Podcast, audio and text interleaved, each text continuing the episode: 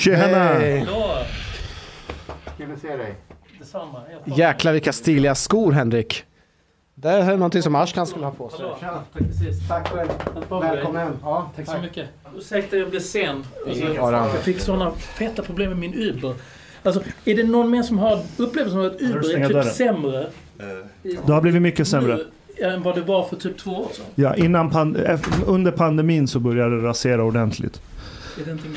Den Ja. till dig. Kan man säga att det är Uber ostraserade då? Eh, obsolet var ordet vi snackade om. Nej men förut så har du sagt använt ett ord ostracera. Ja, så, men faktiskt, det var en grej jag märkte när jag var i, fan var jag? Jag, jag, tror, jag var i Göteborg förra veckan. Och så bokade jag en Uber. Eh, Jag tror jag var någonstans vid Hisingen. Det är väl där det finns en moské va? Jag kommer ihåg att jag gick förbi en moské. Hisingen. Hisingen, förlåt. Eh, och, och Min sen, mamma växte upp där. Vad sa du? Min mamma växte upp där Okej. på Hi- Hisingen. Så Hisingen. Jag, jag har hängt där mycket. Ja, du, du har gjort det? Ja, ja, det är väl alltså, där moskén är? det var så getto innan Sverige var getto. Aha. Ja, men jag gick runt där och så skulle jag boka en Uber. Okej. Och sen eh, så här, bokar jag och så får jag en bil eh, till mig. Liksom, så står det tre minut, three, three minutes away eller någonting sånt. Så ser jag att bilen bara står stilla. Den rör inte på sig. Och, och du vet, ibland de kanske har gått på toa och så är de på väg ut mot bilen. Fem minuter senare, bilen står still. Så jag bara, fan är det här? Så jag cancelar den. Och då drar de ingen avgift, för de drar ju en avgift ibland om man avbryter sin bokning. Mm. Så bokar en ny, samma bil får jag igen. Och den står still i fem minuter. När jag cancelar den då, då dras det 75 spänn som den får som kompensation för att jag har slösat chaufförens tid. Så de här chaufförerna riggar ju systemet. De tackar ja till körningar och så sitter de still tills kunden avbryter och så får de 75 spänn utan att behöva röra på sig. Men vet du hur du kan slå, ge tillbaka? Ja, jag mejlade Uber och så ger jag tillbaka mina Ja, nej, men, pengar. ja, men etta i betyg. Du, du kan inte ge betyg till någon du har cancelat bokningen på. Nej, okej. det. Så du vet, då måste du skriva, förklara och jag tror inte alla pallar göra det. Precis. Insteget är Ja. för stort för att orka ge feedback. Exakt. But, but things have advanced also. I mean, uh, until like maybe 10 years ago uh, in Egypt, you would still uh, haggle with the taxi driver. So like the taxi driver would say like, you know, it's five Egyptian pounds and you're like, no, I'll pay three. and you're like, after every ride, you spend like 15, 20 minutes haggling with the taxi driver. Tänk vad mycket tid som går åt att You, förhandla. you see, I don't want to haggle. so I'm happy to pay the premium to not have to haggle. I want a pre-haggled price point. Samma här. Eh, Henrik, när du åker Uber, tar du den billigaste eller dyraste? Eller åker du Uber Black till och med? Nej, alltså, jag, Värdi, Stri- strictly bara snabbast. Alltså det, det är alltid så att jag sitter någonstans och snabbt vill komma någonstans från A till B. Hoppas att det ska vara en bra service. Ingen fancy business överhuvudtaget. Jag vill bara att det ska funka. D- Där, där det failar nu.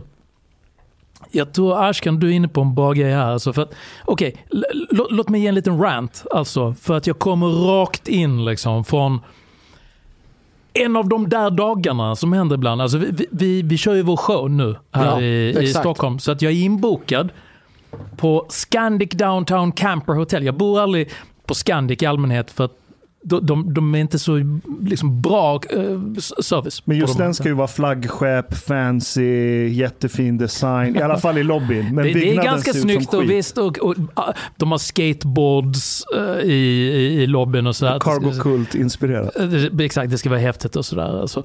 Men innan jag ger mig på liksom att börja kritisera just Scandic specifikt, vilket jag tänker göra, så vill jag gå tillbaka till någonting som du sa Ashkan. Jag, jag tror att mycket av det här hänger ihop med allt som händer i samband med covid.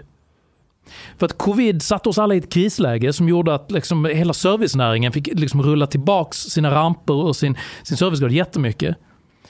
Och, och nu så är det så här frestande att börja kunna ha samma publikvolym som tidigare men inte rulla tillbaka serviceramperna hela vägen ut.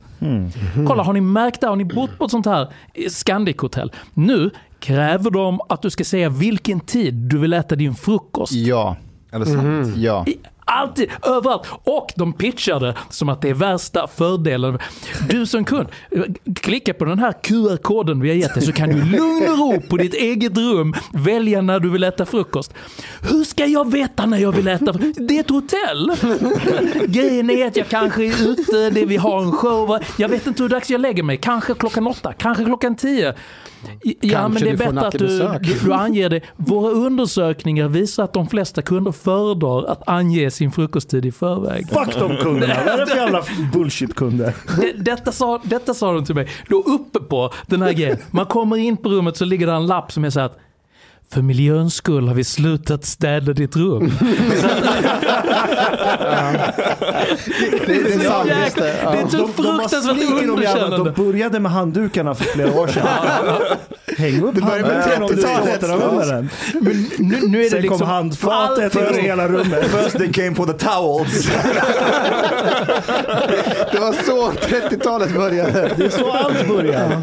Men du Henrik, en, en, en fråga till dig. Eh, Vad heter det, eh, när du äter frukost, vad föredrar du att äta för hotellfrukost? Alltså, jag, you Du låter som? Scandic-anställd här. Hur vill du ha dina ägg kokade?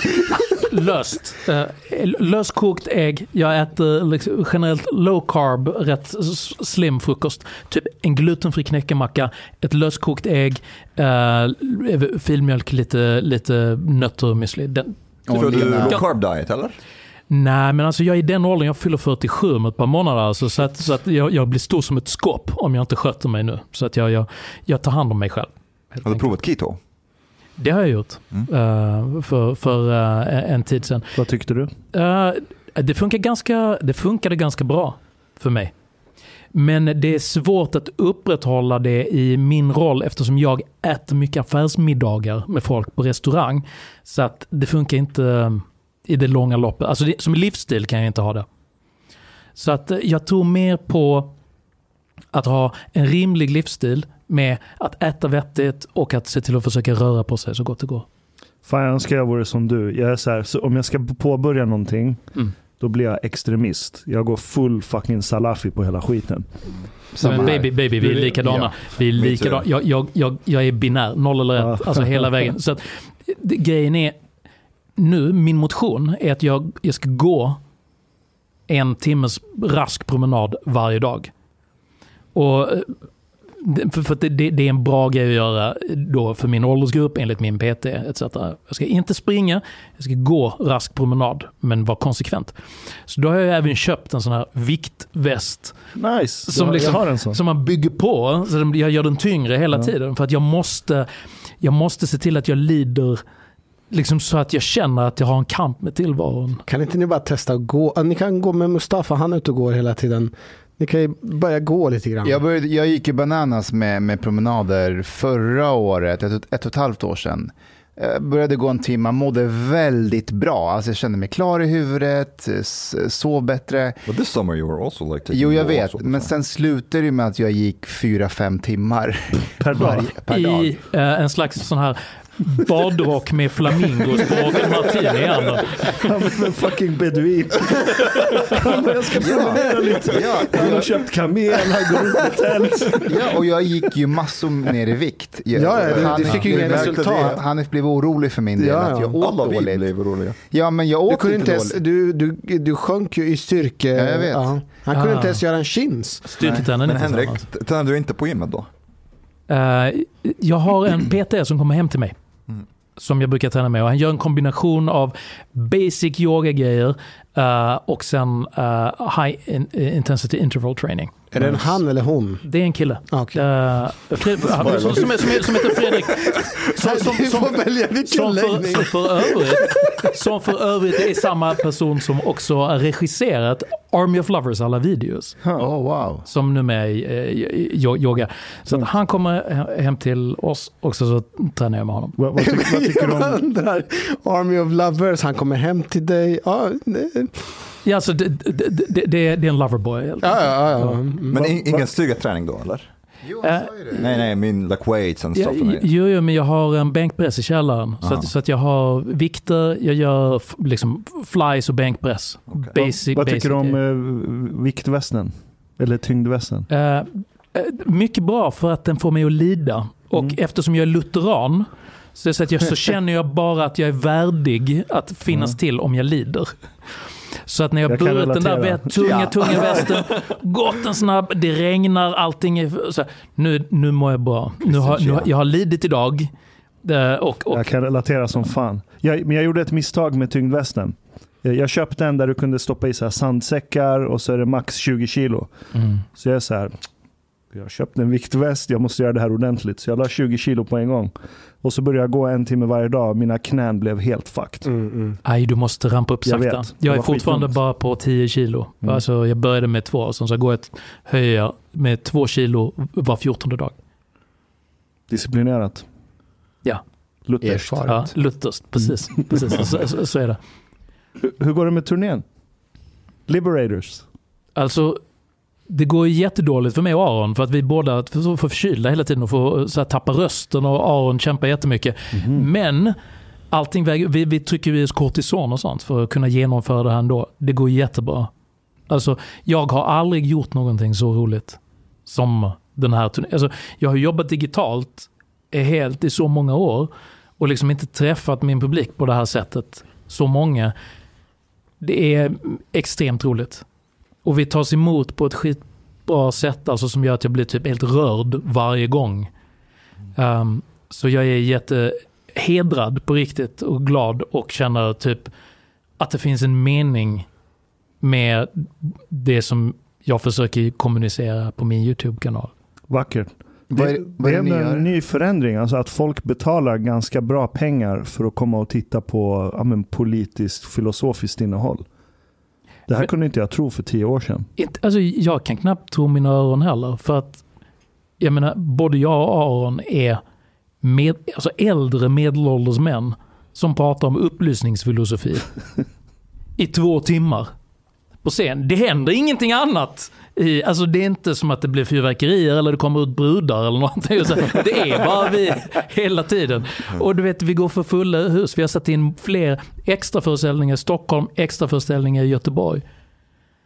Uh, så jag, jag, jag tar det här som någonting större än just specifikt mig och Aron faktiskt. Jag uppfattar det här att det finns en efterfrågan på en, en problematiserande diskussion om Sverige, om samtiden, om politik, om samhällsfrågor. eh, och den nischen, jag tror det finns mycket kvar att göra där alltså. Vilka är det som kommer och lyssnar? är det helt blandat. Det har varit helt olika. Första showen vi gjorde var ungefär 50-50 killar och tjejer. Gans, Really? ga, ja, alltså jag, jag skulle ha trott, baserat på hur det ser ut på YouTube, som är en mansdominerad plattform, jag har väldigt mycket liksom, killar som, som lyssnar på mig. Uh, showen i Uppsala, 50-50 killar och tjejer. Eh, jag skulle säga Skulle inte kanske hända med oss. 25 procent uh, 45 plus. 25 procent, 45 plus. Ja. Så, så att jag, jag- jag, jag vill gärna åtminstone liksom projicera in min tolkning på det här som är att det finns helt enkelt någonting nytt. Och det är att jag tror att det finns en typ gräsrotsrörelse i Sverige som är mer intresserad av frihetsfrågor. Liksom konflikten mellan stat och individ, den typen av grejer. Vi, vi har ju levt i en socialdemokratisk verklighetsbeskrivning. Liksom alla vi som har vuxit upp här har ju kommit ifrån det, hur man än ser på det. Men kanske det är någonting, eh, någonting nytt som är liksom större än alla oss som sitter här i det här rummet som rör på sig. Och det är ju fascinerande att observera om inte annat. Men det, du- det du lyckas med, eh, det är att du... Det, det, ingen, ingen kan säga att du, även om vi lever i en sån tid där, där du vet, höger, eh, hat och sånt där, du, du är verkligen den anständiga högerns ansikte, tycker jag. Jag anstränger mig för att vara the friendly face of libertarianism in Sweden. Ja men, ja, men verkligen. Och jag, jag tror att jag sa det här till dig förut, men jag åkte tåg för ett år sedan och såg eh, ett gäng, du vet på SJ, de har ju så här fyra säten också med, med ett bord i mitten. Just det. Och de satt och tittade på en av dina videos. Och det var, eh, då var Jan, Jan Emanuel där. eh, och Åkesson och de var så jäkla engagerade i videon. Mm. Och, och de, de, de, de, de ehm, pausade efter varje minut.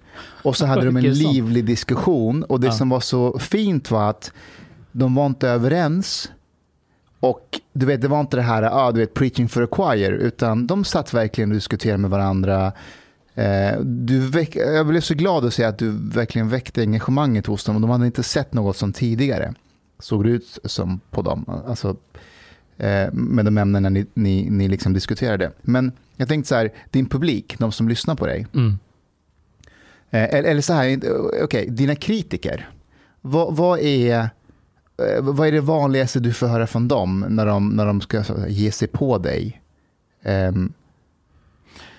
Alltså, det, det, jag skulle säga att det, det, det finns två kategorier där egentligen. Och det ena det är människor som inte har lyssnat på vad jag säger överhuvudtaget. Utan de ser en person som en medelålders man i kostym på YouTube och tänker att det här är en nationalistisk sverigedemokrat.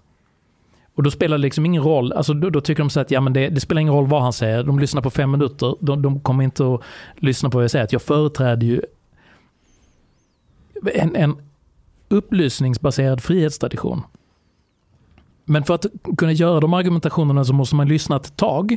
För att tänka, det, det, det gör de inte. Det, det, det är det ena det en, det ena jag möter. Liksom. Och det där ekades ju av så här, när Åsa Linderborg liksom låtsades inte veta vem jag var, vilket var liksom, det hade vi ju ganska roligt åt. Liksom. Eh, Hon var med i ett radioprogram som heter Svensken, Dansken och Norsken. just det. Där dansken och norsken eh, liksom hade tagit reda på vem jag var och pratade om det. Så. Och Linda bara så ah, nej jag känner inte till det här, det, fin det, finns, så många, i- det finns så många i Sverige. Ah, för, det, för det myllrar! Det myllrar av libertarianer i Sverige med, med, med en stor liksom, sa- samhällsgenomslag. Absolut. Jag, jag, jag har ingen biff med det, men jag hade, jag, hade, jag hade kul med det. Men det är mycket den attityden så att jag känner inte till, det här är en konstig eh, liksom, fascist, högerfascist, problematisk, eh, en skicklig populist, tror jag hon sa. Är inte det ett symptom av gamla mediers långsamma död? Där du på ett undermedvetet plan tänker att men du kan ignorera allt som finns på YouTube om du vill, för att det är inte på riktigt. Ja. Medan vi med ansvarig utgivare och god publicistisk sed och jara jara, det här är på riktigt. Men lite så. Det är ju som Britt Stakston's uh, eh, halvbakade vansinne. Alltså jag, jag, jag- upphör faktiskt aldrig ha roligt åt den här grejen. Det här var i januari 2020. Hon publicerade en, en text, om det var i DN eller någonting liknande, så att, där, där hon advokerar så här. Vi måste börja tillämpa strategisk tystnad mot de perspektiv som vi inte vill ska synas. Och jag bara okej, kudos för att du är helt ärlig. Liksom. Vi försöker tiga ihjäl. Men till den här damen då, liksom, hon, hon är ju till liksom, åren kommen. Liksom. Internet finns. Alltså att du blir tyst innebär att du inte hörs. Alla andra kommer att vara någon annanstans. Liksom. Hela den strategin, det är, en, det, det är så jäkla mycket kalla kriget mentalitet så att vi kan tyga ihjäl saker för att då blir det tyst. Men det var ju som när du hade, jag, jag tror det var Jens Liljestrand när han satt, när han var i Hur Hur kan kan, vi? vi? Mm. Eh, med dig och Navid. Och så var det någon som frågade honom, ja men eh, om tio år, vad händer då? Och då sa han så ah, då är ni borta, men jag fortsätter vara kvar på Expressen. Vad sa- ja, men det var ju det han sa Ja, ju. ja, han sa det. Han, sa- han sa det, jag minns det. Jo. Eh, Det är en anekdot, för eh, innan första gången han var på Hur kan vi så frågade ju eh, Navid honom om han hade känt till dig. Men då visste han ju ingenting. Nej, så, I remember that one. Ja. Ja, bra. Men men vi blir ju kompisar sen. Alltså, jag, jag, jag har stor sympati för, eh, för Jens Liljestrand nu. Liksom, så att det, det där är way past liksom, att vi hade lite groll. Han, han, Ja, ja, ja. Vi, vi, Han har ändrat sig en hel del också. Ja, dess, jag gillar också Ja, ja. Jens. Jag tycker han är skön. Han, han, han är alltså, och, och större än de flesta på det sättet. Så att det, det tycker jag liksom, fan, liksom live and let live. Jag är helt, jag är absolut inte långsint och håller på med sånt där. Nej. Däremot så ty, det, det är ju intressant att se liksom den 1900-talsattityden som liksom lever kvar som ett slags som en försvarsbastion mot saker som, man, som är främmande, som man tycker är besvärande, som man inte riktigt har koll på och som man helst önskar att det inte ska finnas. Vi kanske bara kan tiga ihjäl det och så försvinner det. Henrik, you describe yourself as uh, libertarian, right? I do, yeah. Not, um, du får gärna prata svenska, det, det är bara jag som... Ja, jag faller hela tiden in i, när du pratar engelska Mm. pratar jag. Uh, men, uh, well, why not a classical liberal? And what, what do you say to people who say that libertarianism is something like socialism, as in it works good in theory, but you cannot really have a, a true libertarian society. It will not work. Mm. A libertarian state, so to speak. Uh, so why are you not a classical liberal as uh, compared to libertarian? Nej, men jag- är egentligen en, en klassisk österrikisk liberal, alltså rent ekonomiskt. Anledningen till att jag använder termen libertarianism är på grund av att den österrikiska ekonomiska skolan är strikt ekonomistisk. Det vill säga att de tar inte, det, det är ju en gammal tanketradition, de förhåller sig inte till vissa moderna spänningsfält som finns i USA, där libertarianismen har liksom fått sin moderna gestaltning och utveckling. Den amerikanska libertarianismen tar ju fasta på gräsrotsfolket. Vanliga hederliga människor som vill kunna leva sitt liv själva med nybyggaranda. Där det finns eldvapen, där det finns eh, liksom moderna etiska problem. Till exempel runt ja, men hur förhåller man sig till aborträtt, om man ska eller inte ska ha droger och den typen av grejer. Ingenting av det där, inga av de frågeställningarna finns ju med i den klassiska österrikiska liksom, ekonomiska skolan. Um, så att jag skulle säga att jag är både och. Alltså ekonomiskt definitivt. Österrikisk klassisk liberal. Men liksom, de- den, den eh, liksom modell som bäst definierar eller beskriver var jag befinner mig någonstans är eh, modernt libertarianism. Och det är en bred skola, ska du också veta. Ja, jag menar, det, det finns många olika schatteringar inom libertarianism. Men, men för mig är det där ett ideologiskt rättesnöre i högre grad än en realpolitisk policydokument. But i- if we talk, for example, about taxation, Mhm. are you against taxation in general, or Mhm, Ja, you are? japp. Aha, but Alltså även om det kom för försvaret och polisen och brandkåren. nothing. Säg så här, Mm.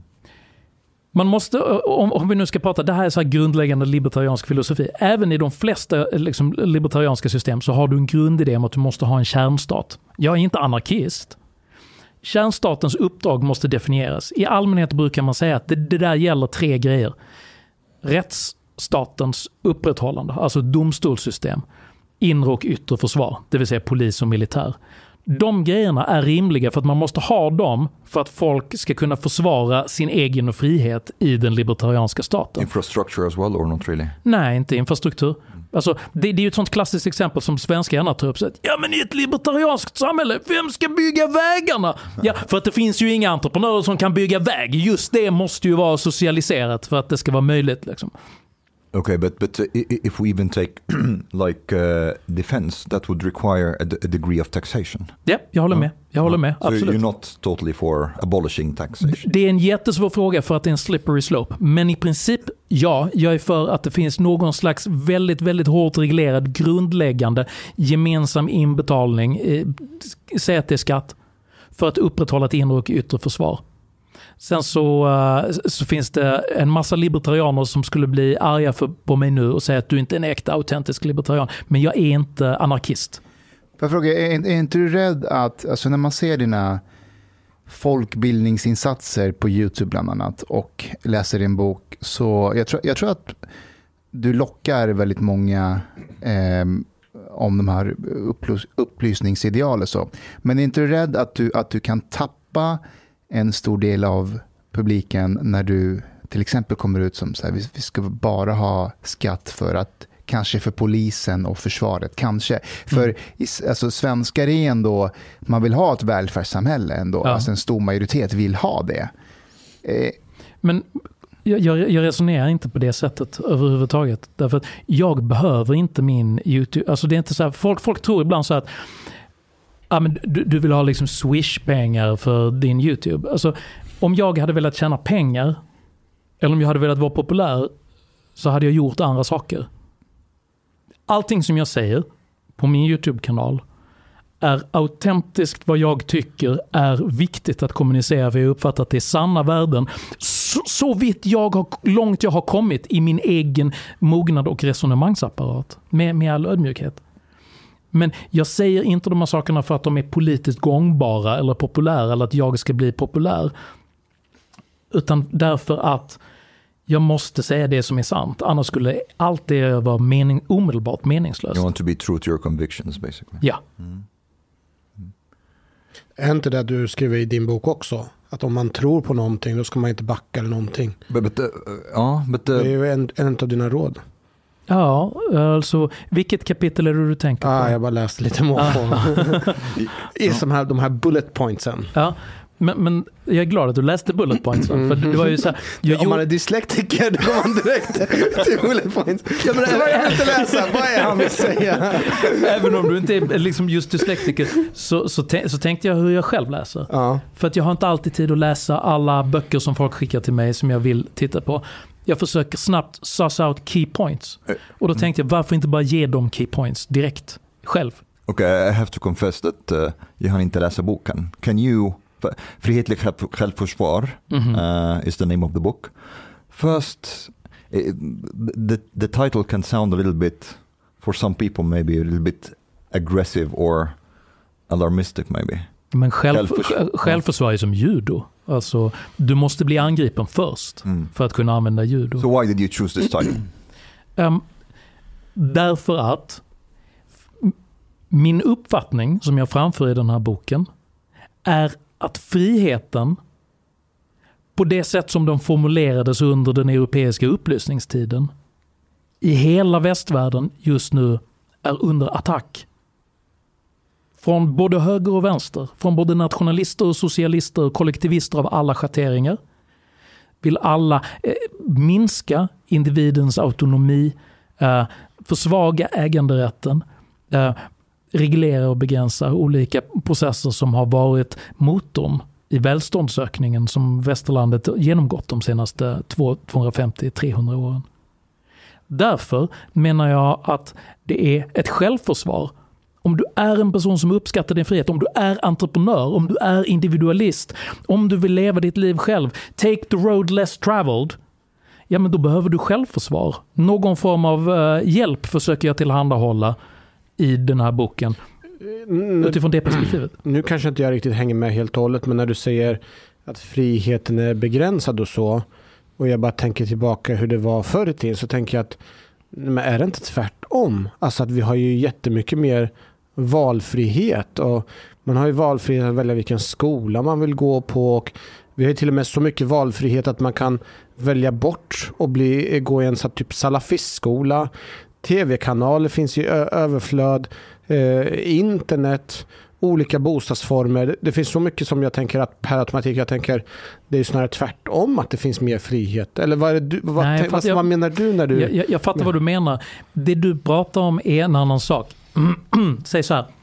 Du kan ha ett stort utbud av snarlika val i ett ofritt samhälle. Det jag talar om är principen, frihetens princip. Eh, det är ett tydligt exempel det är att om vi går tillbaks till 1864. Då fick Sverige sin första, eller eh, den moderna näringsfrihetsreformen. Det var en kille som hette eh, Johan August Gripenstedt. Som var upplysningsman, mycket framsynt. Som drev igenom en mycket stor reform för svenskarna. Vid det här tillfället var vi fortfarande en agrarkultur. Eh, vad då? Alltså jordbruksnation. Ja, ja, ja. Alla var bönder. I stort sett alla var bönder. Efter den här reformen, vad som hände i Sverige då var att vem som helst fick lov att starta företag.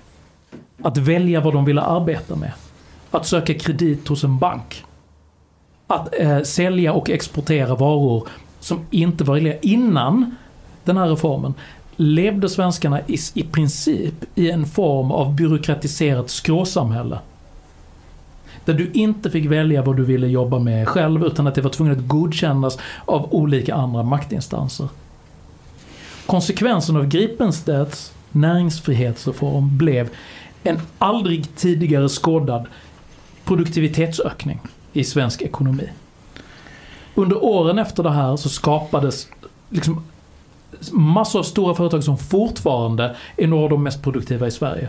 Alltså AGA, Electrolux, SKF, eh, liknande, de stora skogsbolagen, eh, pappersbruk.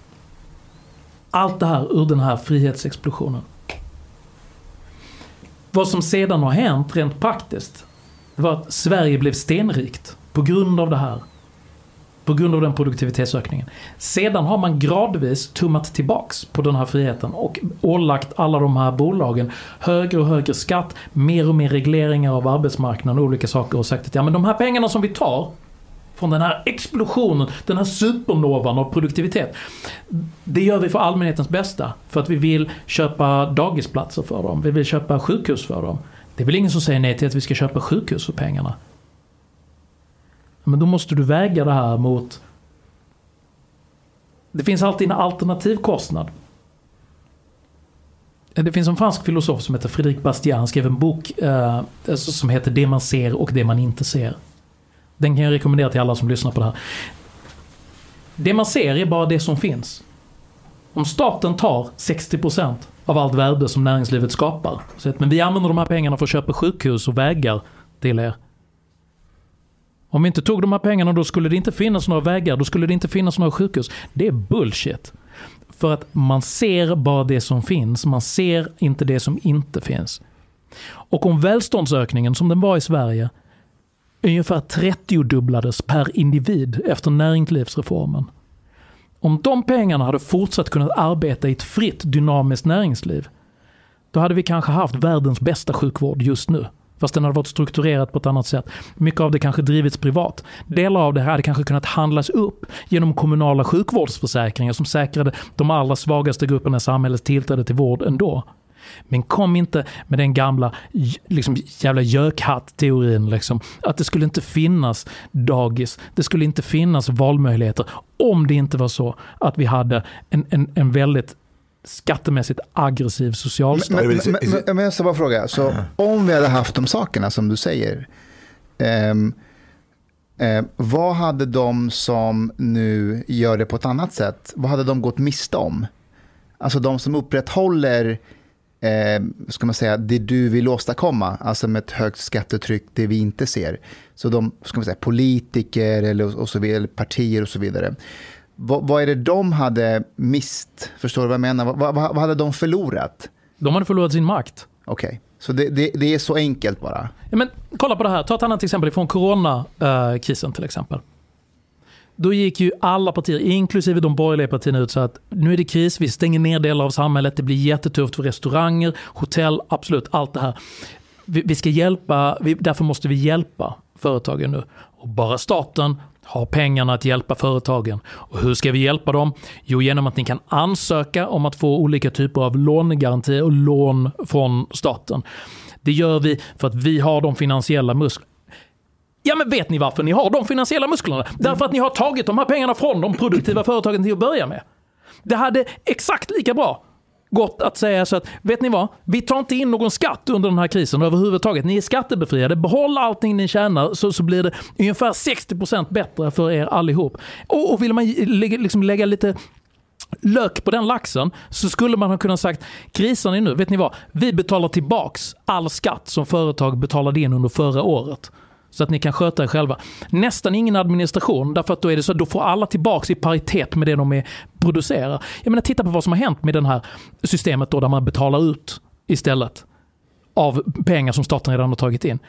Det kom fram i förra veckan liksom, att det var så här, ett kriminellt företag som tvättade pengar, liksom, drogpengar, som hade sökt jättestora bidrag, som hade fått bidrag. För det är svårt att administrera. Det här betyder inte att de statliga systemen är ondskefulla att, eller att de är ens inkompetenta, utan att det är en skitsvår, o, alltså det är en övermäktig uppgift. Det är en dålig idé. Men anledningen till att man vill ha det på det sättet, det är att man vill genom att först ta pengarna från folk och från företag så att man sitter på hela kassakistan och sen delar ut dem igen. Ja, men var hamnar makten då? Den hamnar hos den som sitter på alla stålarna. Det är en negativ maktaffär för staten att börja säga till företag, nej men behåll ni pengarna istället. Vi låter er behålla lite mer av era pengar, pengar för det är mer effektivt, det höjer produktiviteten. Ja men då får vi också mer ekonom, mindre ekonomisk makt på det statliga hållet. Så att varje gång, varje gång som någon säger att vi måste höja skatten lite, lite till för att vi ska kunna lösa de här problemen i samhället. Ja men fråga dig då, hur bra har det gått hittills? Men om vi, om vi vänder på det då. Om, om efter den här näringslivsreformen som Gripenstedt, som jag förstår det, eh, var huvudpersonen i att genomföra här i Sverige. Mm. Säg att vi inte hade börjat tumma på den. Utan eh, den här 30-dubblingen av effektivitet hade fått fortsätta. Och vi hade fått en utveckling mer i linje med, med vad du hade önskat. Om Bastia hade skrivit sin bok då, Mm. vad hade det varit vi inte ser i det fallet? Jag tror det är det Mustafa var inne på. Precis så. Vad hade alternativkostnaden varit för att köra din linje? Din alternativa historielinje? Men det kan jag inte svara på. Liksom det är, vi vi är inne i väldigt teoretiskt territorium. Det, det, det finns väl alltid olika grader i helvetet på saker och ting. Och jag, jag vill nog också passa på att understryka det här att jag tycker inte att Sverige är ett förfärligt land. Jämfört med väldigt många länder så är Sverige ett väldigt fritt land. Det går utmärkt att starta och driva företag i Sverige. Skatten är väldigt hög. Arbetsmarknaden är för reglerad. Eh, Skatten är jobbig också. Man måste redovisa grejer. Den är skitjobbig. Men- Så men man måste ha en revisor, ta massor med pengar. Jag betalar massor med pengar till revisorn. Till slut så har jag inga pengar kvar själv. 50% i skatt, revisorn ska ha pengar. ja. Det blir ingenting Det kvar. kostar att ha företag. Ja, men det är verkligen Ja. så. Det är helt det. sjukt. Alltså i slutändan, vad fan det blir ingenting kvar. Men då blir, när du säger så, för jag håller ju med dig Arne, alltså, då, då, då, då möts du alltid av argumentationen att ja men du måste tänka på de allra svagaste i samhället. But Henrik, Det if jag. I would, but Det är ju vi.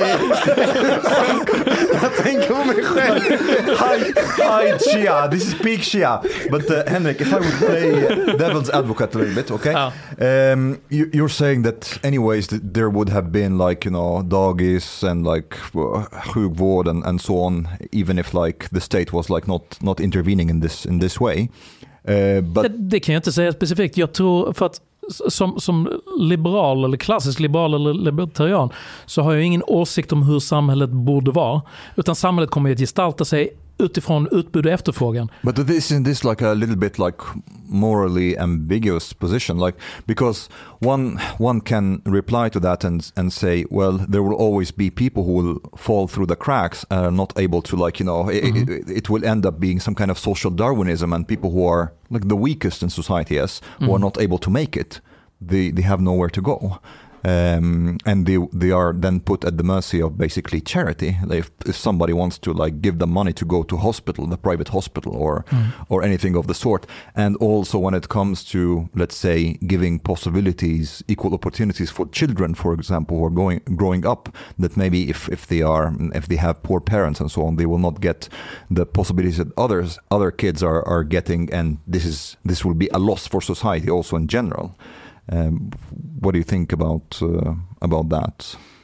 Det där är ju vad man skulle kalla i mjukvaruutvecklingsbranschen för ett edge case, som är, liksom ett, det är en filosofisk problem. Men, men, men jag vill återföra det här till en helt praktisk diskussion, för det där är ett riktigt etiskt problem. Som jag gärna kommer tillbaks till när vi har sänkt skatten till 20% och allting är typ likadant som nu fast mycket, mycket bättre. Efter det, när vi börjar gå in i ett tillstånd där skatten ligger platt under 20%, då kan vi börja tala om liksom balansen mellan civilsamhällets roll och de sociala skyddande institutionernas roll. Det finns inget case för att diskutera det här överhuvudtaget. Skatten i det här landet är så destruktivt hög att vi är way, way, way på fel sida av Lafferkurvan. Det är inte längre lönsamt. Vi behöver inte tala om de filosofiska edge cases som liksom flickan med liksom tändstickorna som ligger och liksom dör i den köpenhamnska snön i, i liksom 1880-talets fattigdom. För att vi, vi, är, vi vi betalar på marginalen över 60% skatt. Är inte Lafferkurvan en högerextrem myt, Henrik? Det har jag hört i alla fall. But uh, Kan okay, inte du förklara Lafferkurvan lite mer specifikt? Så här, va- varför, eh, va- varför det blir så? För jag, jag, jag ju koll på det, men, men förklara gärna för de som tycker Okej. eventuellt lyssnar här. på oss. J- Jättekort sammanfattat då. Lafferkurvan är omstridd för det finns de som menar att den funktionens beskrivning är, är mer komplicerad än att vara... Man kan inte beskriva den linjärt på det sättet. Lafferkurvan för, för dummies. Lafferkurvan för dummies beskriver hur mycket skatt staten får in i förhållande till liksom hur högt man sätter skattetrycket. Så att om du har 0% skatt får staten in 0%. Men om du sätter 100% skatt får staten också in 0%. Därför att då kommer ingen medborgare att respektera staten för att du lever i en to ekonomiskt totalitär regim. Alltså vad är idén med att arbeta om du betalar 100% skatt? Och, och, och, den här kurvan den beskriver ju då en, en bell curve, eller en vågform, liksom en böj, där piken då enligt den här skissen är i princip att 50% skatt ger 50% intäkter, vilket inte stämmer. Och det här är en del av kritiken då, för det är mer komplicerat än så. Men det grundläggande argumentet är helt rimligt och det är så att höjer du skatten för mycket så faller produktiviteten i samhället för att incitamentet för att anstränga sig och försöka bli framgångsrik blir mindre. Om, om du redan liksom tjänar en ganska schysst lön om du har liksom 45-50 000 spänn och du är projektledare på ett jäkla företag. Och sen så, ja men vill du bli mellanchef det är mycket mer ansvar. 20 timmar arbete antagligen mer i veckan plus helger, mer resor. Men du kommer upp till 65 i månaden. Ja, tänker man då. Shit. 20-25 000 extra i månaden. Man ser framför sig, jag kan köpa en pool till mina döttrar. Men vänta nu. Var ligger skatten när jag ligger där över 65? Ah, av de 20 extra som jag får så får jag ut 3500 eller någonting beroende på liksom hur din eh, liksom förmånsskatt ser ut. Då har du en, eh, och den här problematiken har vi i våra egna bolag. Att folk tackar nej till befordran med höga löneförbättringar på grund av att de tycker det är bättre att ha mindre ansvar för att jag, min del av den här högre lönen blir för liten. Och det är en del av Lafferkurvans problematik. Blir skatterna för aggressiva så deincentiverar du människor uh, för att uh, försöka nå sin peak potential. Mm. But, uh, but, för, jag ska bara på, på. Eh, så här, hur, hur, hur pass hopplöshet känner du när du pratar om just Lafferkurvan? Som, som många känner igen när du, när du pratar om det. När vi, Magdalena Andersson kommer snart väljas till eh, nästa partiledare och hon kommer med stor sannolikhet bli nästa statsminister. Mm. Eh, att hon säger att eh, Lafferkurvan är en högerextrem myt mm. eh, som är skapad av amerikanska högerextremer. Så här, när, när, vår kommande statsminister säger att det är en högerextrem myt, hur, hur ska du få fram budskapet då? Mitt intryck är att Magdalena Andersson är en um, mycket bildad och begåvad kvinna. Så att hon vet att det hon säger där är politisk bullshit-retorik. Uh, och jag vet vilket klipp du syftar på. Och det var dumt det hon sa. Eh, hon menade faktiskt inte riktigt, alltså det hon menade var att det är den, den hårda libertarianska högern som förfäktar Lafferkurvan. Hon menade inte att det var en högerextrem idé. För det, det, får det ju låta som att hon tror att det är någon slags fascister som, som kommer med Lafferkurvan. Det, det menar hon inte. Hon menar att det är den hårda högerns knasiga idé och hon håller inte med. Fast, det, det, är men, det hon menar. Men, men, när hon säger det ja. så är det ju en stor följarskara som kommer svälja det där med hull och hår. Ja, så är det. För att det är inte så många som ifrågasätter saker politiker säger i det här landet. Nej. Speciellt inte om du är rätt sorts duktig, fin, god politiker. Nej, men vet du vad? Alltså, det enda... Det enda liksom... Och jag sätter ju ansvaret på dem, inte på Magdalena primärt 100%. Mitt ödmjuka motvärn där är att jag har ju lyxen att inte vara politiker. Vilket innebär att jag kan kosta på mig att vara ärlig när det är mer komplicerat. Som att jag kan ge henne i princip rätt där. Jag fattar. Jag kan försöka säga vad jag tror hon menade istället för att fulltolka henne. Yeah. Hade jag varit politiker så hade jag velat orsaka henne maximal skada. Och säga att hon vet inte vad hon pratar om, hon är inkompetent, hon fattar ingenting. Hon försöker liksom förstöra någonting som är betydelsefullt. Men istället så ser jag ju som att alltså, min roll och vår roll och liksom hela liksom allt media eller gräsrotsmedia eller vad du ska kalla det. Vår roll är ju att vi kan vara mer frispråkiga och också mer nyanserade. Jag vill ta the moral high ground i ekonomiska frågor. Jag kommer aldrig att försöka fultolka mina motståndare för att socialisterna har redan en så usel jäkla ekonomisk politik. Så det behövs inte. Man behöver bara titta på hur den faktiskt är. Jag behöver inte lägga till någonting if, if also I understood correctly, you are generally critical to reglering of arbetsmarknad. Mm -hmm.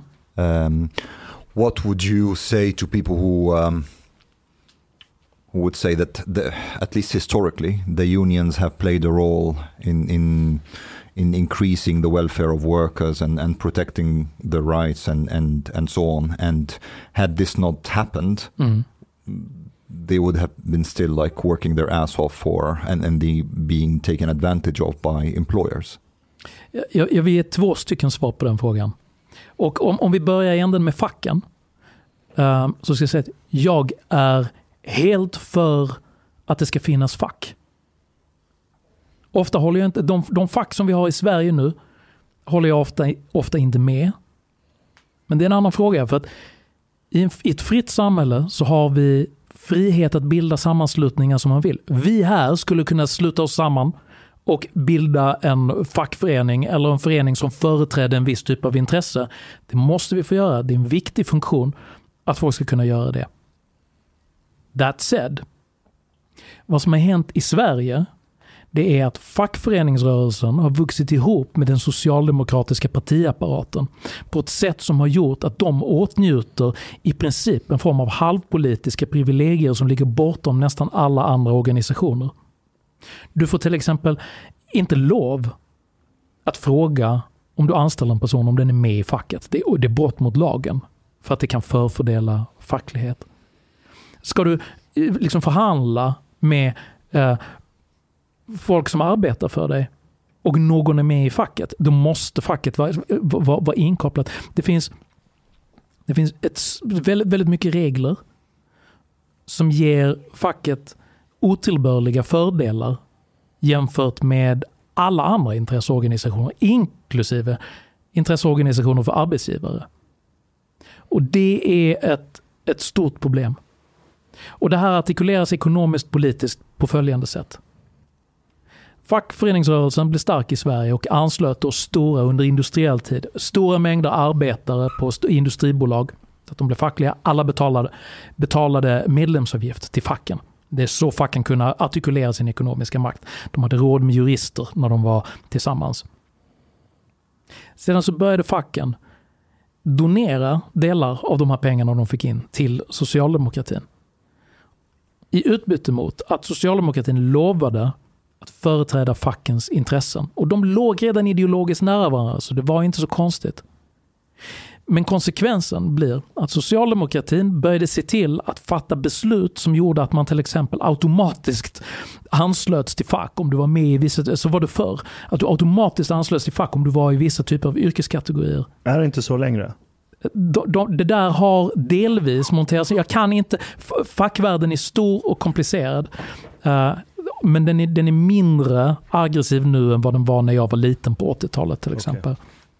För då var det tvångsanslutningar till facken när du arbetade i vissa industrier. Du betalade alltid pengar till facket och facket gav pengar till socialdemokratin. Så där hamnade du i en slags liksom socialistisk 69 där de gav pengar till socialdemokratin som drev igenom liksom mer befogenheter och starkare stöd för fackligheten som i sin tur fick fler medlemmar och mer pengar som de gav tillbaka till socialdemokratin. Så det där är ju en form av då facklig korporativistisk perversion av demokratin som jag vänder mig emot. Så att två tankar samtidigt. Friheten att sammansluta sig för att företräda intressen är okej. Um, fackliga organisationer som växer ihop med den politiska makten i en form av liksom crony-kultur är problematisk. Mm. Vi, vi, a- alla som jobbar på facken, vilket fack är de i? Finns det något fack för fackanställda? Fackarbetarfacket. För jag tänker, borde inte de märka problemen Ja. med fack? Men- när de själva tvingas in i ett fack. Jag, jag vill faktiskt lägga in en, en, en liten brasklapp till här också. Så att, för att det finns en dramaturgisk dikotomi liksom, som folk ställer upp mellan arbetsgivare och arbetstagare. Att jag då i egenskap av arbetsgivare på något sätt alltid är som monopolgubben, så här en ondskefull jävel som Mr Burns eller Krösus Sork eller någonting sånt. Har han bara chansen, om inte facket fanns där som en motvikt, han skulle knulla alla i röven för resten av deras liv. Liksom, så funkar ju inte arbetsmarknaden. But but was it not a bit like this? So like in the, though in the uh, like I mean if we if we look like 100 years ago, for example, or a little bit less.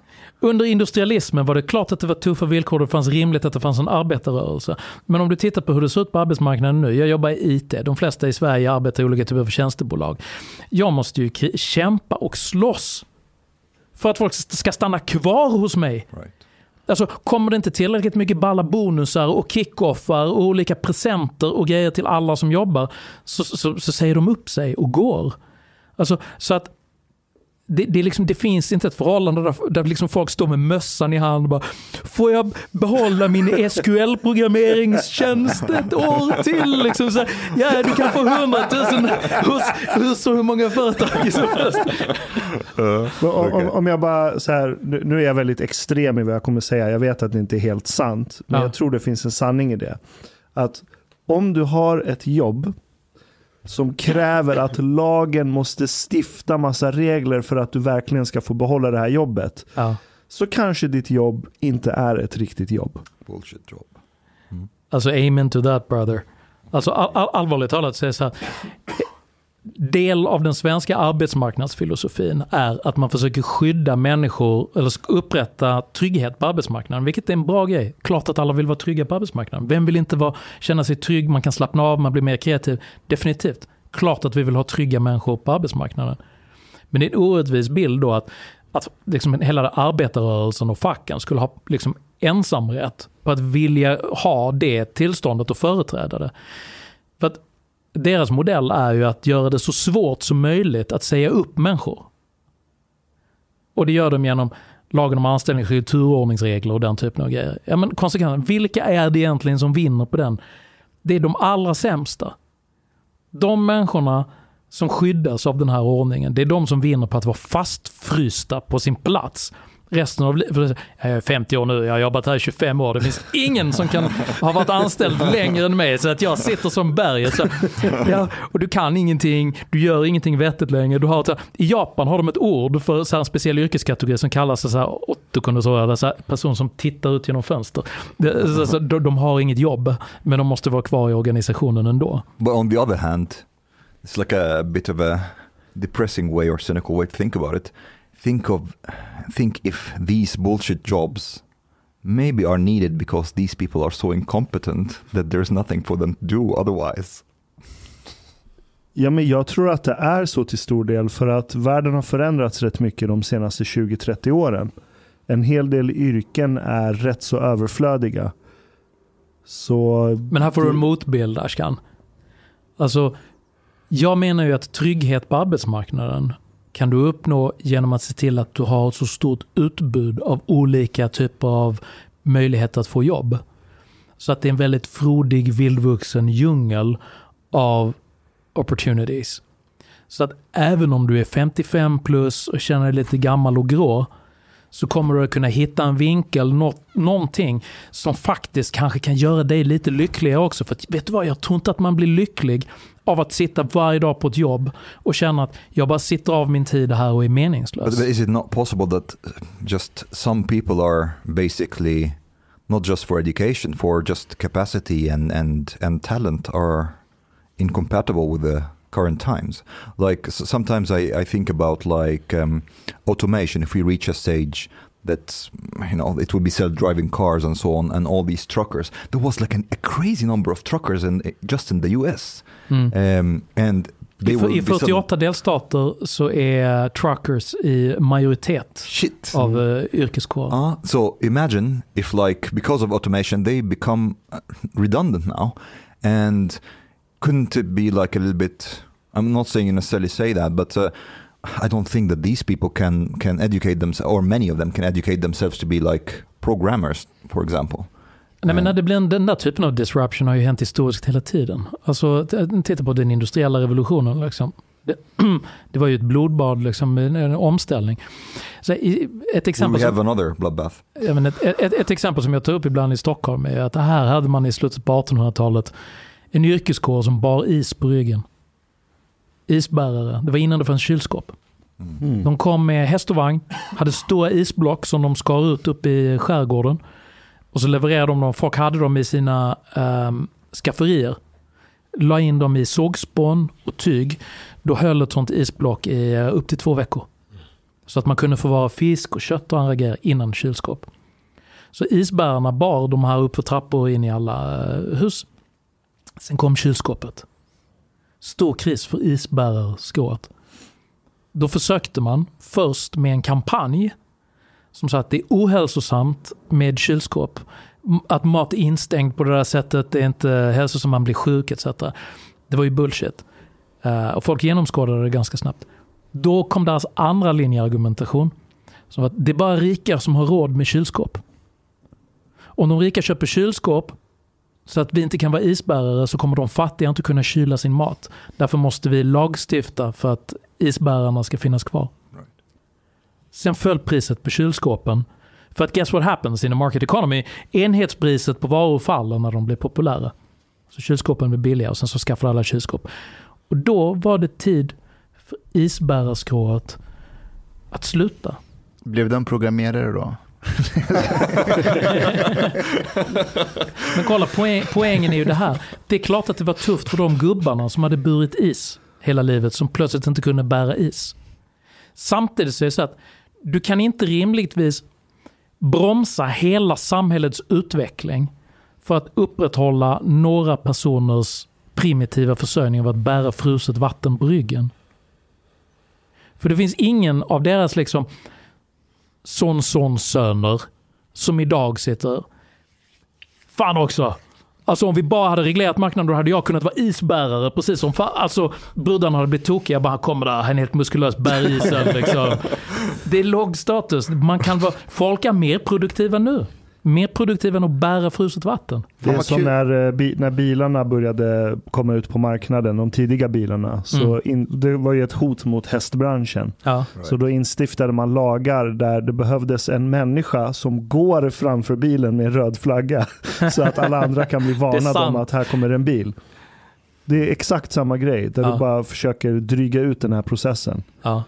But uh, Henrik, would you say that uh, Swedes um, do they, as a culture, do they appreciate the principle of freedom? Sometimes I'm reminded. I don't know if you've you've seen this. There was this interview with Anne Hersiali, and uh, she was asked by the interviewer something about like you know freedom of speech that maybe she's taking it too far, and she told him something like, "You grew up with freedom and you don't know what it means, so you spit on it." Mm. um, because some, to me also sometimes I, I see that many Swedes have a very collectivistic view of how society should be, Mm. and they have a very um, th- they like to have this kind of they see the state as this paternalistic figure that is taking care of citizens almost as, as children. They think it's important or this is how it should be.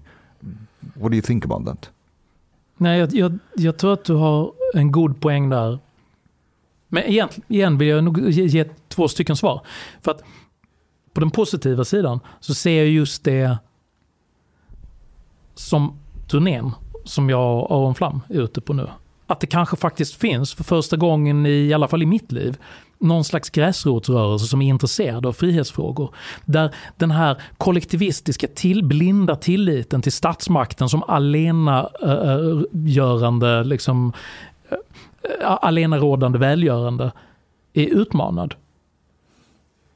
Så att det, det, det är den positiva sidan. Den, den negativa, eller vad ska man säga, konstaterande sidan, det är väl så att vi har en extremt kollektivistisk, auktoritetstroende eh, samhällsstruktur i landet. Kanske mer än i till och med de andra skandinaviska länderna. Det, det jag märker där är ju att när jag är ute, hur, hur den andra generationen av invandrare, hur de har internaliserats i det tankesättet. Alltså att varje problem med integration är kopplat till att staten har misslyckats med någonting. Och alltså, det, jag brukar till och med skämta och säga så här, shit vad ni har integrerat er. Mm. Ni är supersvenskar. För varje lilla problem, då är det så här, det, det, det, det är omfördelningspolitiken, det är eh, resursbrist, det, är politikerna, inte om ni såg Sverige möts eh, härom, häromdagen. Alltså, Vilka var det? eh, de, var ju, de var ju Tjärna Ängar. Mm. Eh, och så, Ja, jag såg den. Jag såg den. Jag såg någon liten klipp om någonting om Varför? svenskarna rasister. Någonting. Nej, men det var, så, så, det här det här är klassisk eh, som SVT. Du vet, förut hette det ju Debatt. Mm. Sen blev det Opinion Live. Nu heter det eh, Sverige möts. Men, men det är samma koncept. Man har bara sminkat om grisen lite. Ehm, men då, då, då, då var det liksom eh, politiker från Tjärna Ängar eller Borlänge på en sida och de boende på andra sidan. Och, ehm, och så publik såklart om, omkring. Men, men det var verkligen det klassiska. Det var, eh, de, de, som bor i Borlänge eller Tjärna Ängar, det det är så här, vi, vi trivs jättebra här, det är jättetryggt här. Eh, politikerna har svikit oss. Och, så här, de har rätt i viss mån, alltså jag, jag köper det, A, absolut. Men På vilket sätt har de rätt? Jo, men just att den migrationspolitik vi har haft, att, att de är där och, och det har blivit segregerad och, och så vidare. Så de har ju rätt, men de har rätt av fel anledningar. För när de, deras eh, eh, eh, argument är att mer pengar till oss, mer, mer, om, om ni bara kommer in med mer resurser så kommer de vill inte ens ta de problemen i namn. De- som står på sidan som bor i Kärnängen, de, vill in, de, de säger inte ens att byggnaden som vi skulle spela in igår, den brann ner igår. Alltså bokstavligen, den brann ner. Så de, de, är, de har fixat, eh, SVT har fixat tält där de står utanför. Och programledaren frågar lite försiktigt så här, ja, har vårt besök någonting att göra med att man liksom brände ner hela byggnaden här igår? Är det sant? Gjorde de det? Man, man misstänker ju att det hade någonting med SVTs besök att göra. Ja. Men deras lösning på det är, men ge oss en ny lokal då. Ehm, ja, men Det, det, det, var, är ju- ju- det var en politiker som sa att så här, ett viktigt, jag tror han var moderat, att så här, ett viktigt steg för att lösa problem i Tjärna Ängar det är att göra en ordentlig folkräkning. Och det var tydligen avhumaniserande.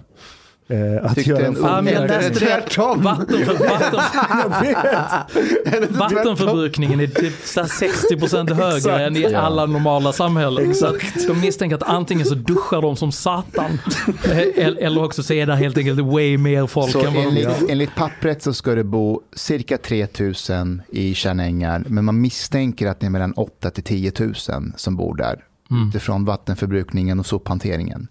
Men alltså det här går ju, alltså, på, det här går ju enkelt att lösa men man måste ta tag i det. Det är jätteenkelt. Det är knacka dörr, se vilka som bor där. Är ni bokförda? Är de inte folkbokförda? Om man inte är folkbokförd eh, på sin adress, det är ju faktiskt brottsligt. Och polisen har faktiskt fått till uppgift att också återkoppla nu.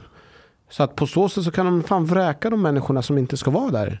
Nej, men, nej, nej, men Henrik, jag vill bara säga, hur, hur har det gått att ehm, när man tar ut de här problemen, alltså hur, eh, alltså fan vad man har fångat upp de här människorna ändå, att, att det har blivit en resursfråga.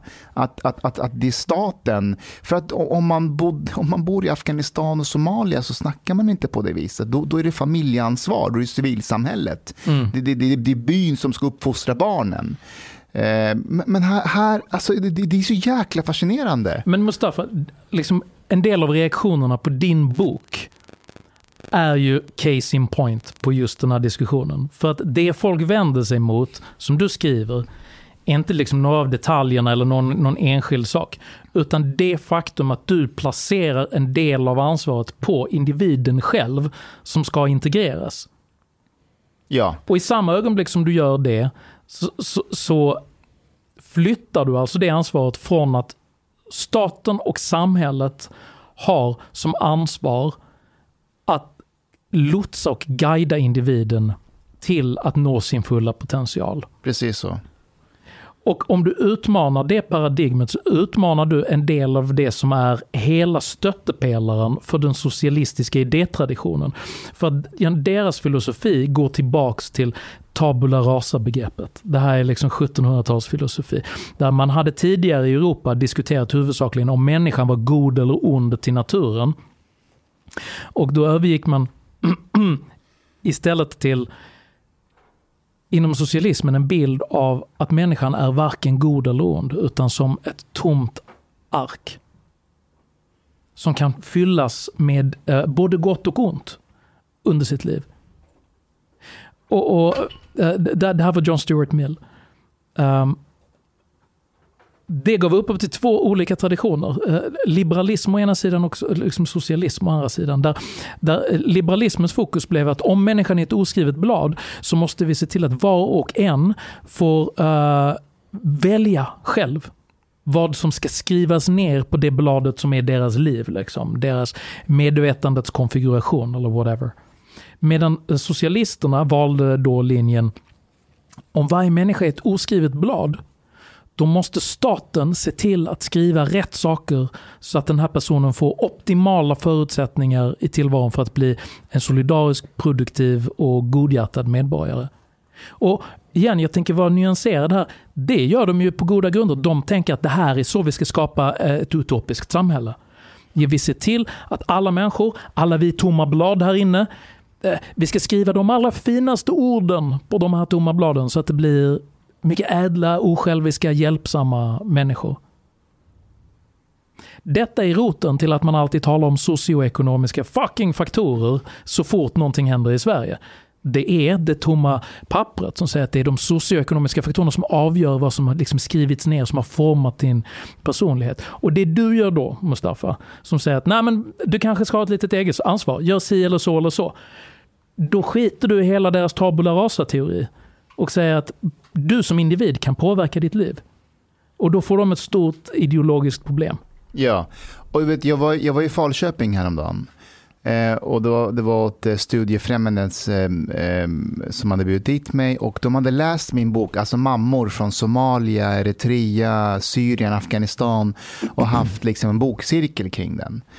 Eh, så, så jag hade en föreläsning för dem och det som var så intressant det var att mammorna som har läst, de var så här, mycket bra, inga problem, jättebra, jättebra.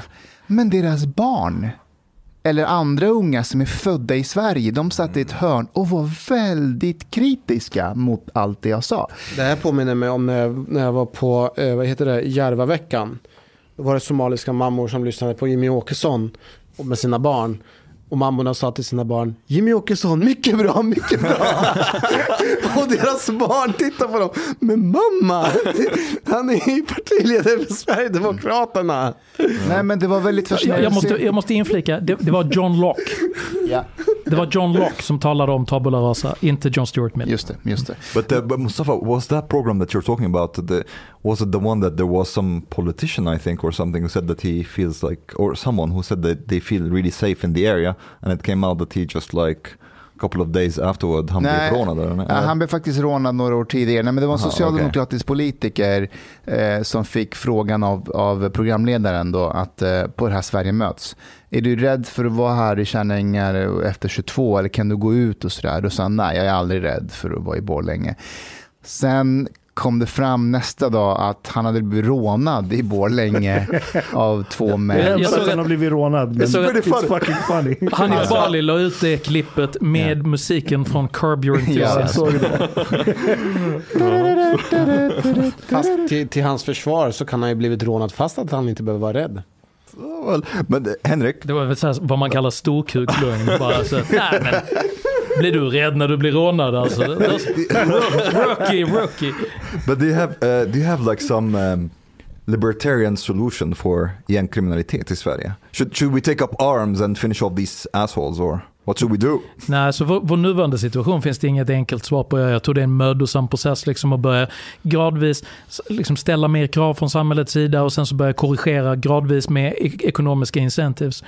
Men, men jag tror att anledningen till att situationen har uppkommit har varit på att man har varit ideologiskt förblindad av tanken på de socioekonomiska faktorerna. Så att man har tänkt att om folk får komma hit och få förutsättningarna så kommer de att automatiskt bli produktiva och godhjärtade och inte hålla på med brott och andra grejer. Vilket är, um, för, för att liksom parafrasera hur våra politiker brukar låta. Liksom. Jag måste ändå säga att, att, att ja, det är en ideologisk eh, förklaring som de är liksom marinerade i. Men min erfarenhet är ändå att om jag sitter med de här personerna som pratar om socioekonomiska faktorer och ja. omfördelningspolitik och så, mellan skål och vägg, ja. då börjar de faktiskt, då erkänner de att det finns kultur, det finns normer, det finns värderingar, för att de har ju växt upp i den kulturen, alltså till exempel hederskulturen ja. och, så, och så vidare. De säger det mellan skål och äh, vägg, men Eh, om någon riktar en kamera mot dem eller en mikrofon eller en tredje person hör, då blir de som så här robotiserade ide- Det ideologer. är för att incitamenten för att de ska fortsätta få pengar är att vinna röster.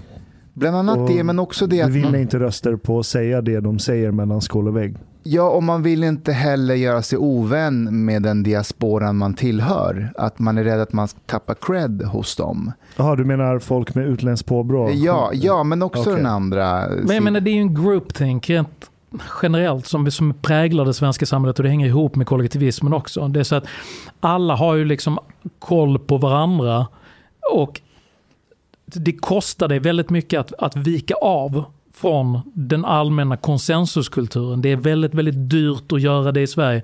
Folk, det, det vet ju du själv, Omar. Liksom, du, du drabbades ju lite grann av det. Bara för att du var med i den här podden så var det folk som tyckte att det faller lite grann utanför liksom den här sammanhållna bilden som vi vill eh, upprätthålla. Om, om, man, om man drabbas av hedersförtryck så som du gjorde Omar, är det någon organisation man kan vända sig till för att få hjälp? det måste ju finnas någon som... Varken eh, hora eller kuvad, vad heter den? Den ja, finns ju också. kan de hjälpa till? Kanske? Alltså med ett skyddat boende eller stödlinje eller... But um, if we go back to to uh, gang criminality, did you did you watch this um, Expressens reportage with this uh, Ja. Mehdi Ha- shit? Dumle. Dumle Haveriet Shit. inom Expressen. får- får, jag bara säga en sak? och alla som är i min generation och lite äldre gör ju skämt om Humle och Dumle. Som alltså var två barnprogramsfigurer i Kapten Böljas skafferi på slutet av 60-talet. Vad är Kapten Böljas skafferi? Vad är- det, vad är det, för var ett barnprogram? 60-tals barnprogram. Liksom, Jag är typ för ung för det. Men, men gamla människor pratade om det programmet när jag var liten. But, Det but, but, Dumle. Är det någon som vill sammanfatta eh, Expressens artikel bara? Ehm, Alltså jag, den ligger bakom en betalvägg. ja, fast den var rätt fri ett, ett bra tag. Alltså man kunde in en dik jag har bakom. fan inte ens läst den. Jag har läst hela. Alltså så här, det är en väldigt intressant eh, reportage. Är det det? Man, man, ja, verkligen. Han säger sjukt eh, intressanta saker. Till exempel så säger han så här att och det här skrämde skiten ur mig, men vi har ju pratat om det förut. Man säger att om ni tror att vi är som Gudfadern eller Sopranos där det finns en hierarki. Det finns ingen hierarki, säger, säger han. Utan vi är alla bröder, men det är ingen som bestämmer. Så jag gör min grej, han gör sin grej, sen pratar vi med varandra. Så det han säger är att om han får för sig att döda någon, ingen, måste, ingen han måste förankra det med, Det utan han går och gör det själv. Det, Och- det, det är därför det blir också, eh, det, där- det är så det är. Det är det som jag hade kritik förut. Det är en platt organisation och det är därför också det blir interna konflikter. För att man behöver inte stämma av allting utan man kan gå och göra sin grej och man kan få med sig några andra. Men Hanni, får jag fråga dig? Alltså, jag menar, du möter en del av det här i din tjänsteutövande, eller hur? Ja, ja. Ja. Alltså, om jag ska liksom spela djävulens advokat så måste jag säga så här att de här gangsterorganisationerna som liksom hanterar drogmarknaden, de är ju mycket kompetenta entreprenörer. Jättekompetenta. Alltså för att allvarligt talat, jag menar föreställ dig själv hur svårt det är att bygga upp liksom ett retail-distribuerande företag inom lagens råmärken. Att dessutom då bygga upp en internationell distributionspipeline från Afghanistan eller Colombia eller något ställe. Via Spanien och via massa intermediärer till. Utanför lagens räckhåll. Det finns inga juridiska, det finns inga papper att stötta sig på. Liksom, utan du, allting vilar på ett eget våldskapital och olika typer av liksom, eh, markismo. Liksom. Och sen så hålla koll på distributionsledet på gatunivå där folk faktiskt avyttrar produkten. Kunna räkna hem allting, få lönsamhet. i- Det här är ju stora entreprenöriella ja, ja. begåvningar. Liksom. Så att de som gör det, de måste ju vara organiserade ungefär som en form av företag. De kan inte vara de här snubbarna som springer runt och skjuter folk på gatan. Alltså det måste ju vara deras liksom, fotfolk som bäst. Du kan, du kan inte frakta hem 10 ton kokain och distribuera den om du inte har en organisation som är väldigt välfungerande. Det finns en eh, bok som heter eh, Gang Leader for a Day. Eh, Författaren heter Sudhir Venkatesh. Eh, Och det, det här var hans doktorsavhandling egentligen i eh, Chicago School of Economics eller någonting sånt. Så eh, ha- han på något jävla vänster, han är ju mörkhyad i i och med att han är indier. Han, bara, han tyckte projekten var så tråkiga han skulle göra doktorsavhandling på. Så han bara åker in i de här slumområdena i Chicago en dag och börjar snacka med folk. Och på något jävla vänster så hamnar han i samma rum som en av ledarna som är så här top dog i en av de här knarkdistributionsligorna. Och de lyckas liksom connecta med varandra. Och Sudir säger till den här gängledaren, TJ eller någonting heter han, att så här, du jag vill dokumentera ditt liv och dina affärer och hur du gör det här och hur du lyckas. Och den här gängledaren typ, ja, men känner att han får cred för det han gör, så han säger ja. Han säger, du, Du, du, du, du fattar att även helt normala företagsledare på den vita marknaden om en journalist kommer och be, vi skulle vilja dokumentera allt du gör i ditt bolag, tackar alltid nej. Därför att det är i allmänhet bara besvär, man säger någonting fel, någonting blir dålig publicitet. Att den här kriminella gangstersyndikatsledaren då tycker att Nej, men vad trevligt att ha en Ja, granskande ja, ja, vetenskapsman. Nej, det är han- han mycket sa- han- konstigt beslut. Nej, men han sa, han sa så här, du, du, du får göra vad du vill. Jag bryr mig inte om vad du skriver ner och bla bla. Du får bara inte gola till de andra gängen. Du får inte lägga dig i bla bla bla.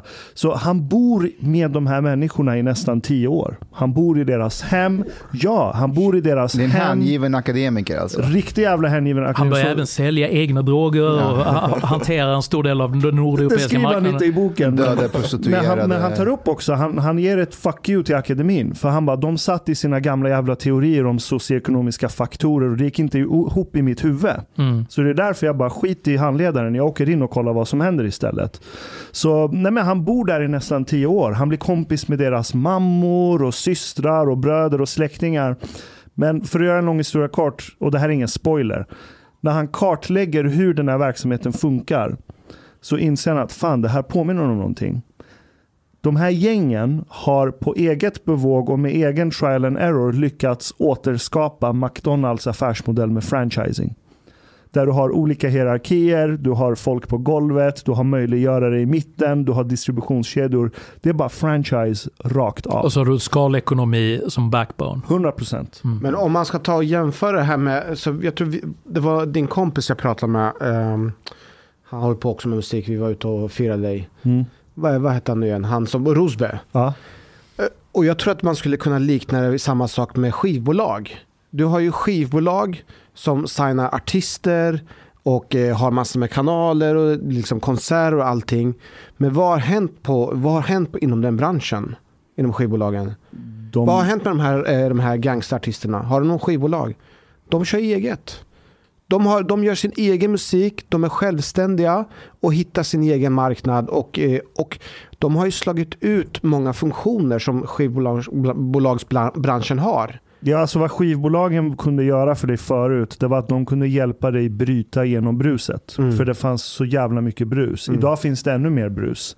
Men om du av någon anledning lyckas bryta dig igenom det, för Mm. att du har någon sorts karisma, eller att din musik är radikal, eller på konstnärligt sätt, eller våldsamt sätt. Så länge det finns en appeal till den stora massan och du bryter igenom bruset så behöver du inte skivbolaget. Och det, de, de, och det är precis vad de här gör. De här har knäckt koden att de behöver ju inte gå i eh, gamla, eh, gamla hierarkier. De behöver inte jobba upp sig för att bli någon ledare. Utan om de är tillräckligt våldsamma så kan de eh, skrämma iväg massor med andra. Och de kan ju själva skapa sina egna kontakter. Eh, Och på så sätt så har det blivit mycket mer komplicerat för oss att jobba med de här frågorna. För att de här gamla strukturerna finns inte. I have a question. I need you to help me out with something. I understand that I come from Egypt and maybe have like some fascist blood or something, but I was I was like watching this interview with that guy and I, I cannot understand how can someone who was involved in one of the worst uh, gang rapes in Sweden, who sits there and confesses that he is a criminal, that he is a member of a gang, and that he will continue being a criminal, and that he will continue killing people, and that's totally fine. Jag förstår inte. Help me out. Uh, uh, it, it will be me who will get a stroke eventually, not you, Ashkan. I think because th- for is this normal? Like, do people here in Sweden, Nej, men in Sweden alltså- look at this and it's like, oh, makes sense. Men om, om, om, jag försöker förstå honom, Ja. försöker förstå hans, den här personen. Det var ju att efter mordet på Einar så var det ju någon annan rappare, Alex Ceesay eller vad han heter va? Men jag förstår honom, and I, I Ja. don't understand the, the rest Han- of the society. Men han gick ut och eh, skrev debattartikel och gjorde intervjuer och så. Och helt plötsligt så börjar ju han få marknadsandelar. Han börjar ju exponera sig själv. Han är ju en artist. Den här andra killen Alex. Jag tror att den här dumle människan eller vad fan han heter. Jag vill inte ens ta hans. Jag vill inte ens egentligen på riktigt. Jag vill inte ens an, säga hans artistnamn heller. För jag vill inte Mehdi. marknadsföra. Mehdi vad han heter. Jag, han försöker ju också göra samma sak. Han försöker marknadsföra sig själv. Och det här gör han genom att gå ut och exponera sig. I fully understand him, especially like in a society like this one. But how come is this allowed here in Sweden? I don't understand. Is it like is it allowed to Tänker be like a member in a gang? Ja, ja. He just conf- ja, ja. Ja men det, du får väl...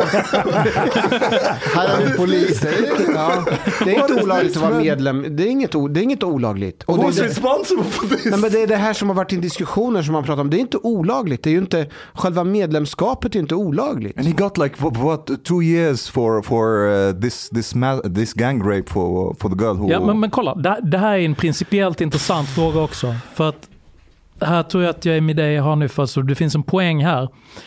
Spänningsfältet mellan, mellan frihet och trygghet artikuleras i om du säger så att ja, men det är klart att du inte ska få lov att vara med i ett gäng. Vi måste göra det olagligt att vara med i ett gäng. För att alla, jag menar gut reaction hos de flesta människor är ju så att ja, men gängen är ju dåliga. Det är en destruktiv kraft i samhället. Men rent rättsligt så hamnar du i en väldigt snårig definitionsproblematik. Hur, hur brottslig måste ett gäng vara? Liksom? Är det ett gäng, om det är en massa gangsters, men de begår inte några brott i det gänget just då? Alltså, det blir lätt en kränkning av din rätt att bilda en sammanslutning eller ha en klubb. Plötsligt så får staten befogenheter, nu kommer jag från ett frihetligt perspektiv, plötsligt ger du staten befogenhet att säga att sitter ni, liksom som vi gör här, sex killar i en källare, är vi ett gäng nu? Det är faktiskt But- ingen källare, men but isn't it vi har vattenutsikt. isn't it possible then that uh, liberalism is basically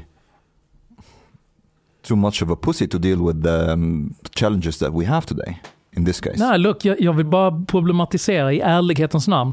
Grejen att du måste ha en balans mellan liksom hur mycket makt du ger staten till att rulla in och inkräkta på vad folk får lov att göra. Och vad det ger för möjligheter att upprätthålla tryggheten. Eh, jag säger inte det ena eller det andra. Jag säger bara att jag, jag fattar att det är svårt. För att, för att man ska vara rättssäker så innebär det att du måste genomgå en korrekt rättslig prövning där det är bevisat att du har begått brottet för att du ska straffas för det. Börjar vi tumma på det så får polisen för stora befogenheter. Då kan det ett, tu, tre liksom, så har du plötsligt en framtida regim, en auktoritär regering som kanske inte bara gillar det vi sitter och pratar om i den här podden. Som tycker att close enough, det är typ ett slags brott. Vi skickar in dem för att de kan inte göra mycket. Alltså, för, för, för, förstår du mig? För, alltså just i det här fallet, det går ju att lagstifta att om du är med i en gruppvåldtäkt där du har fört upp en pistol i offrets underliv så att hon nästan förblödde. You don't get out of prison. Du sitter minst 20 år, om inte på livstid. Om du ertappas med en laddad Kalashnikov i bakluckan på en bil, så sitter du 20 år, om inte, kanske inte livstid, men jag vet inte. Och Alltså så den här vedervärdiga gruppvåldtäkten, naturligtvis. Jag tror inte det finns någon som inte tycker att personerna som har gjort det där skulle buras in och nyckeln skulle kastas bort. Helt is he allvarligt. still out? Vet du, Det jag, för att de har väl inte gjort en rättslig liksom, bevisning som har kunnat knyta dem så att de har kunnat fällas för det. Nej, nej, nej, men han de är fälld. Han är fälld för våldtäkten. Han, han är fälld för gro, eh, grupp, eh, så här grov våldtäkt. Ja. Ja. But he just uh, stayed han in two years. Två, två och ett halvt år. Så att- No, no, he got out early. Ja. Men det är ju, det är ju kopplat det är ju till de här rabattsystemen som vi pratar återigen om. Jag är, ser du Henrik kokar nu. Ja, alltså allvarligt talat, om det är så att han fälldes för det dådet. Ja. Alltså, då är det så här, ska, ska jag vara akademisk nu så måste man läsa in sig på allting som har hänt. Liksom. För att det där låter helt oacceptabelt. He was in prison. men eh, om man... Om, om de döms för en sån grej, alltså, då, då är det väl antagligen så att jag skulle gissa, jag vet inte, men alltså, om jag har fel så är det bara helt sjukt. Jag skulle gissa att det är så att bevisningen kan inte vi- visa exakt vem som gjorde vad, utan ah, de döms kollektivt eller någonting i den stilen. Fast det är nog, det är, alltså, att han är dömd för det, för eh, grov våldtäkt, det, det har han ju suttit för. Det som är mer troligt är att hans eh, ringa ålder har gjort att han får sitta Ja. betydligt längre, kortare tid än vad man får göra i normala fall. Mm. Eh, Alltså straffrabatten och allt det där. Alltså. är åldersrabatt och straffrabatt. Mm. Eh, det är det. Och sen om vi ska titta på, Mustafa, du kanske kan googla vad straffet för en grov våldtäkt är. Så, så Det är inte här, kanske så jättehögt egentligen. han, han dömdes 2014 för den här gruppvåldtäkten. Det är jättelänge, då var han rätt så ung. Eh, ja, han var, jag vet inte hur gammal han var, man måste varit... eh, Tonåring. va? Han är Nej. nog tonåring tror jag. Nu är han ju 25, eller hur? Jo men det är 2014 Ja, här. det är 10 år sedan då, okej. Då var han 15-16 då. Sju. Sju år sedan.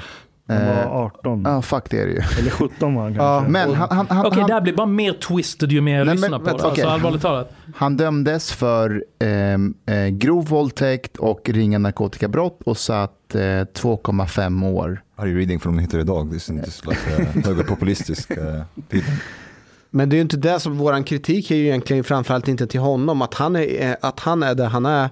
Det är ju en sak. Det är ju hur han i, i de här olika typer av medierna, hur de framställer. Och jag blev faktiskt förvånad för att jag trodde att en efter en så började de här ku- kulturjournalisterna börja göra avbön. Det var inte mer än ett år sedan som de höll på eh, så här rabbla att vi måste skilja mellan verk och person Mm. och att det går inte att säga liksom vad, vad som är brottsligt och så vidare och så vidare. Men sen så märker jag att en efter en så börjar, börjar de alltså ins, inse att shit det här är mer komplicerat. Det här är, är både en person som är, är, gör en verk men också begår handlingen. Och jag trodde så här, fan vi börjar liksom, yes äntligen har vi vunnit den här diskussionen som jag höll på och skrek och bråkade bland annat med dig om för ett år sedan. Men sen så kommer de här journalisterna och gör en sån här, jag, jag tappade hakan när jag såg att han poserar med skyddsvästen. Såg han ut att ha en joint, Ja. han röka en joint. But- but- Så spelade de hans musik i bakgrunden. De uppgav hans artistnamn. De och nämnde gäng inte ett skvatt om gängvåldtäkten. Då. nämnde ingenting om hans tidigare brott och eh, dessutom refererade till hans aktuella grupptillhörighet. Varför är det relevant att uppge hans artistnamn? Varför är det relevant att uppge vilken gäng han tillhör? Varför är det relevant att ha skyddsväst på sig? Varför är det relevant att han ska fotograferas med, eh, med en joint? I, Spela hans musik, Hans musik. Visa hans Spotify, Ja. hans But artistnamn. do you understand, like people, especially like people with immigrant background? Okay, first of all, like criminals who are watching how the society uh, dealing with them and deal with other criminals, they think that basically mm, people here are sheep. They can do with them what they want. And people with immigrant background, who come from the Middle East, for example, like to them, seeing all this, they actually think that you people are crazy. Seriously, they think that you are crazy because how come this is happening? Eh, Får jag bara säga, så jag hamnade i en diskussion med Karin Olsson. Kan inte vi ringa henne? Nej, jag har inte hennes nummer. Eh, Men lyssna här, så... Är hon eh, Expressen eller? Precis, hon, hon är ju biträdande chefredaktör på Expressen. Okej. Eh, Så jag jag skrev något raljant på Facebook. Jag skrev, Vad så här, skrev du?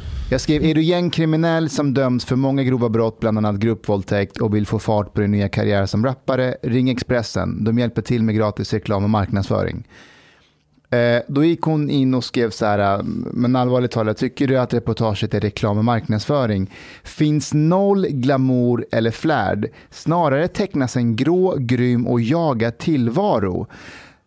Alltså, om du är svensk medelklass och ser det här reportaget, ja, då tycker du att oj, vad är det för liv? Han har skyddsväst på sig.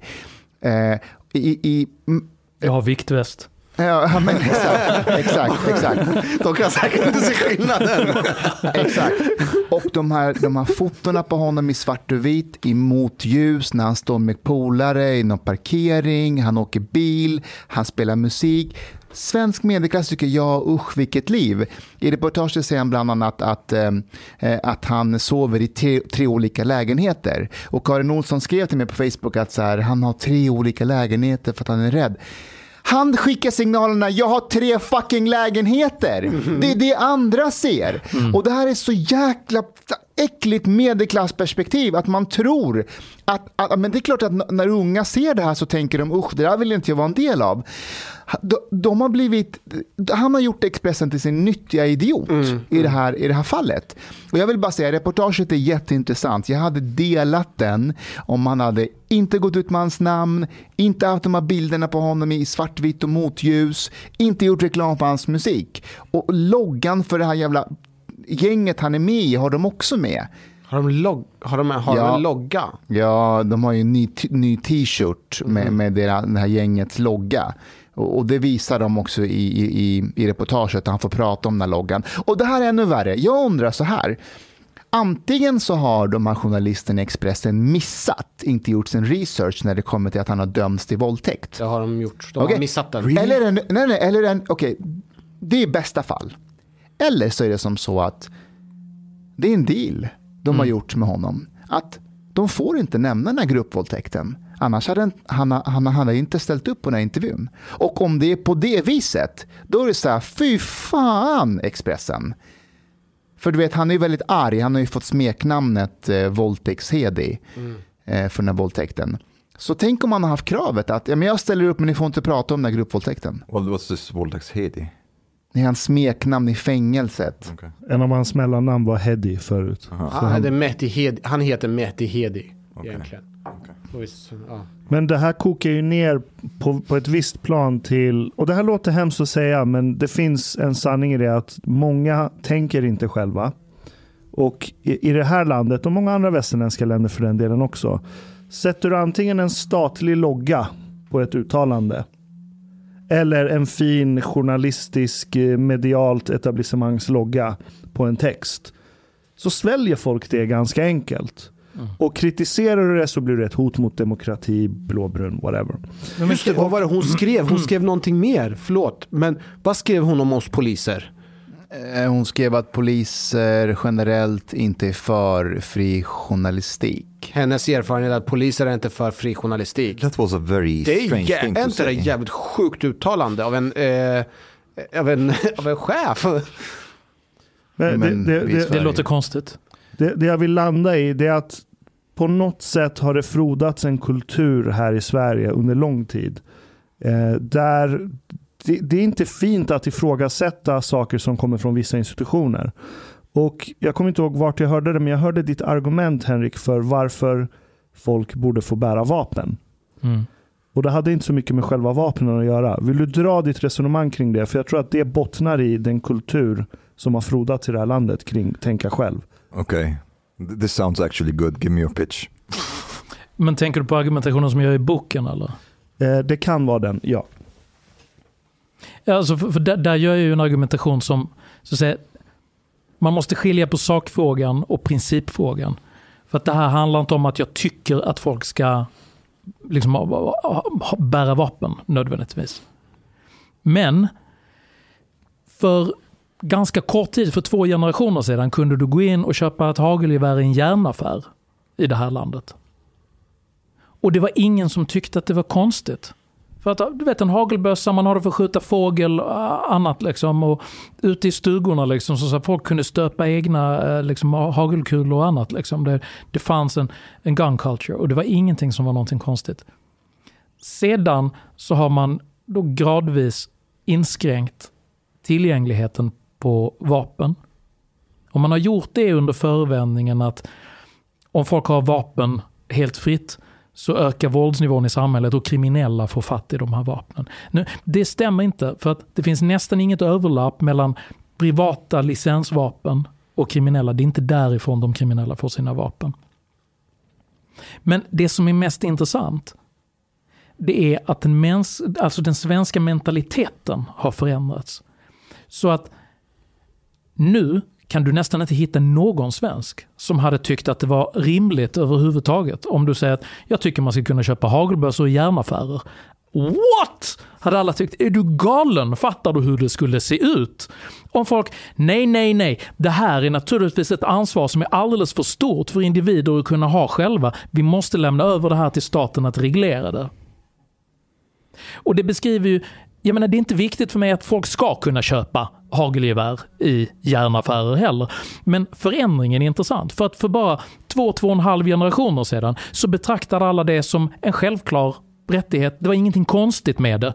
Oftast 99% av tiden gick man inte och köpte ett hagelgevär för att det kostar ganska mycket att köpa det och man behöver inte så många. Men folk betraktade det som en självklarhet att man kunde göra det. Och folk skötte det och skötte sig själva. Men idag så tänker folk att det här är ett ansvar som vi, vi medborgare inte kan bära längre. Så på det sättet så gör den här mjuka, eminenta makten oss medborgare gradvis till våra egna poliser.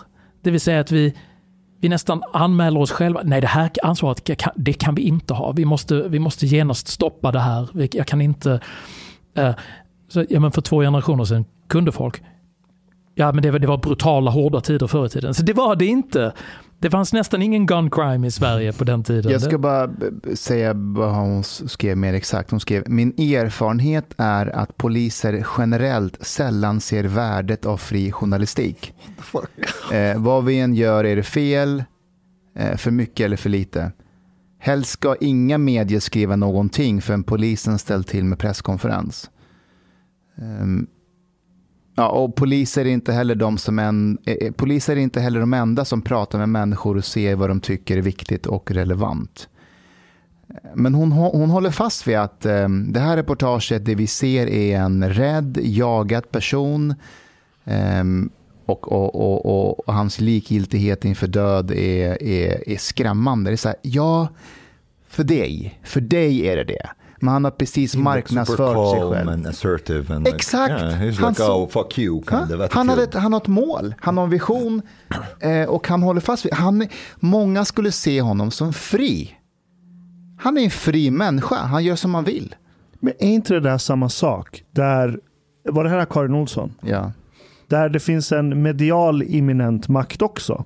Där hon tar för givet att ja, men, poliserna tycker att vi inte gör vårt jobb. Vem är de att säga vad vi gör? Ursäkta, får jag säga en sexistisk grej? Jag tror att det här är samma grej som varför det så här, killar gillar filmen Scarface. Av en anledning. Han, det går dåligt för Scarface. Mm. Ni alla har sett Scarface, eller hur? Ja, ja. Man, man vill egentligen för. inte vara Scarface, men man fascineras också av Scarface. Och det finns delar av Scarface fan han är så dominant, han bara gör, han går sin egen väg, han tar mhm. inte skit från någon. Mm. Och det, det, är ju rätt ball, liksom. han får den snygga bruden, han köper ett jättestort hus och allting är helt sjukt. Liksom. Det är en rätt maximal film. Även om man känner att det här är inte en bra för, förebild för liksom, mina barn. Så, så tror jag att unga män tycker också att Scarface är ganska cool. Var det cool inte, as fuck. Ja. Var det inte men jag skulle inte vilja vara honom. Var det inte regissör, äh, kan inte du säga att det var inte själva regissören som själv blev förvånad? Var, vad fan är det här? Jag gjorde värsta porträtt av en person som misslyckas men alla har ju en plansch på Scarface hemma. Ja, men min, min fru och ett par andra kvinnliga bekanta tycker att Scarface är en mycket, mycket tråkig film. Men mina manliga kompisar, en av de bästa filmerna någonsin. ja men det är så stört därför att under sista tredjedelen är han ju inkompetent, alltså han får ju inte upp det, han är impotent. Hon, eh, vad heter hon, eh, Michelle, Michelle Pfeiffer. Pfeiffer ja. Han kan ju inte ligga med henne eh, till och med. Men ändå är vi så här, Äh, skit, skit i det där, fan vad ball han är liksom. Ja. Say hello to my little friend. jag, jag, vill gå till botten med det här med imminent och är det transcendent makt du ja. jämför med. För det, är en tes jag driver i boken. Ja, för jag tycker det är sjukt fascinerande att man långsamt över lång period av tid med den här imminent eller mjuka maktformen gjort människor till sina egna poliser. Där vi till slut säger, vem är jag? Och mm. säga vilken lagstiftning som behövs för att råda bot på gängkriminaliteten. Det kan väl de här duktiga politikerna sköta. Vem är jag som polis att ifrågasätta vad Karin Olsson skriver? Hon är en journalist och det finns en fin logga på hennes publikation. Vem är jag att ifrågasätta det? Mm. Nu sätter du Expressens logga högt rent grafiskt, ty tycker jag. Men, men, men, men okej, jag kan göra argumentationen för transcendent och immanent makt. Mm. För att det, det, det, det, är en intressant fråga som vi kan snacka om. För att då är det så här att förr i tiden så var makten transcendent. Det här är argumentationen som jag gör i min bok. transcendent i den betydelsen att makten var fjärran, avlägsen. Den kom i form av eh, kung och militär med guldknappar och liksom emblem och medaljer och grejer. Och när kungen talade så tog folk av sig hatten så och visste att nu är makten här och, och lyssna. Liksom. Det var God. Exakt, guld och bling och grejer. Liksom. Ehm, idag har makten blivit immanent, det vill säga att den är, den är du med oss, den är nära. Makten idag kommer liksom inte i någon så polerade stövlar med guldemblem, utan det är en tjej som heter Annika som kommer i gympadojor som bara knackar på och liksom säger Hej, eh, vi kommer bara få se grannarna har eh, sagt att ni kanske behöver lite hjälp med någonting. Så här, ja, men då har du en orosanmälan på huvudet liksom för att det är så här, och, och, och den här, den här liksom liksom, vad kallar jag henne? Anki, Anneli, liksom, som, som, är, som är du med dig och som vill hjälpa dig. Hon har ett mycket mer finmaskigt nät för att kontrollera dig som medborgare än vad den transcendenta makten någonsin hade. I boken så gör jag en jämförelse med Pippi Långstrump. Det vill säga att Prussiluskan, tant Pruselius, den borgerliga häxan i Pippi Långstrump som är stel och hemsk. Hon representerar den transcendenta makten. Hon har håret uppsatt i knut, hon har en sån här borgerlig tant med hatt med blommor uppe på och står och ska få alla barnen att sjunga så här stela sånger som, som ingen vill sjunga. Och sen är hon arg på Pippi Långstrump för att hon tycker så, oh hon är så olydig flicka och så oregelig och allting är förfärligt liksom. Idag, men hon kunde inte göra någonting mer. Pippi Långstrump liksom skojar, kasta liksom, eh, tomater på en annan och så fick hon springa därifrån. Den immanenta makten hade redan konfiskerat Villa Villekulla, placerat Pippi Långstrump på ett HVB-hem. Där lilla gubben hade avlivats. Kappsäcken med guldpengar, oskattade, eh, osourcade pengar, konfiskerade. Alltså apan, antagligen rakt. Alltså ingenting, allting hade varit nedstängt, avvecklat. Det är den immanenta maktens eh, Fan vad fet film det hade varit om man gjort en modern Pippi Långstrump. Vad heter den här killen från Skansen kommer och hämtar apan? Avlivaren. Jonas. eh, Jonas. Pip- Pippi och HVB-hem. Men det där tror jag ligger i roten av mycket av det vi ser idag. Mm. Att medborgaren har blivit passiv och det anses vara kulturellt fult att ifrågasätta saker. Mm. Och det här går helt emot den tradition som vår civilisation var ämnad att bygga på från första början. Mm. Eh, och, och det är där jag vill gå in och peta. Jag har inte lyckats lista ut riktigt hur ännu. Men eh, att få människor att börja våga ifrågasätta saker utan att gå all bananas och bara vaccin funkar inte och hela den. Covid är ju en intressant exempel också för att menar, om man går tillbaka till hur det var då under våren 2020. Um, ehm, då, för det, det här är ju ändå en av de största kriserna som antagligen kommer att vara i våra liv. Liksom. Den här pandemin kommer ju vara någonting som folk skriver böcker om i decennier. Uh, jag tycker det var en intressant observation från mitt perspektiv som libertarian. Hur ganska många liksom, klassiska liberaler och libertarianer jag kände i Sverige som plötsligt blev väldigt lojala med staten och lojala med Tegnell. Jag, jag hade ganska många som liksom ringde och smsade och skrev till mig för jag var kritisk mot Sveriges dåliga krisberedskap utifrån perspektivet att jag alltid är kritisk mot statsmakten. Eftersom de tar våra pengar och ska i utbyte då upprätthålla säkerheten och ha ber- krisberedskap och sådär. De hade en dålig krisberedskap. Så jag var väldigt kritisk mot det. Och då fick jag liksom från ganska liberalt håll folk som skrev så att nu kanske du faktiskt ska ta och tona ner det där för att det här hjälper inte den svenska eh, liksom war effort. Eh, nu slutar vi upp bakom Tegnell, alltså håll käften. Mm. Och det där skrämde mig faktiskt jäkligt mycket. Jag, jag förlorade ett par vänner på, på det där. För jag kan inte respektera någon som spårar upp på det här sättet. Plötsligt så nu sluter vi upp bakom myndigheterna för nu är det kris på riktigt. Var är din libertarianism? Ursäkta mig. Men för mig var det tvärtom. För att för en gångs skull så tyckte jag att det var bra att vi inte joinade vad jag kallade för en total masshysteri. Men det är en annan sak. Det är en annan sak. Jag är med dig på det. Alltså det, vi kan vrida och vända på det här många sätt. Det, det jag reagerade på var lojaliteten Ja. med myndighetspersonerna.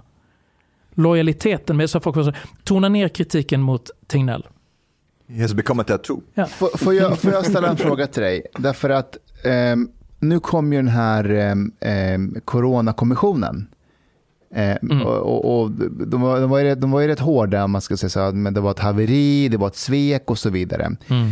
Hur reagerar svenskar då när en annan, för den här, den här kommissionen, den är ju statlig liksom, eller hur? Så nu när det blir, alltså, förstår du lite vad jag menar? Mm.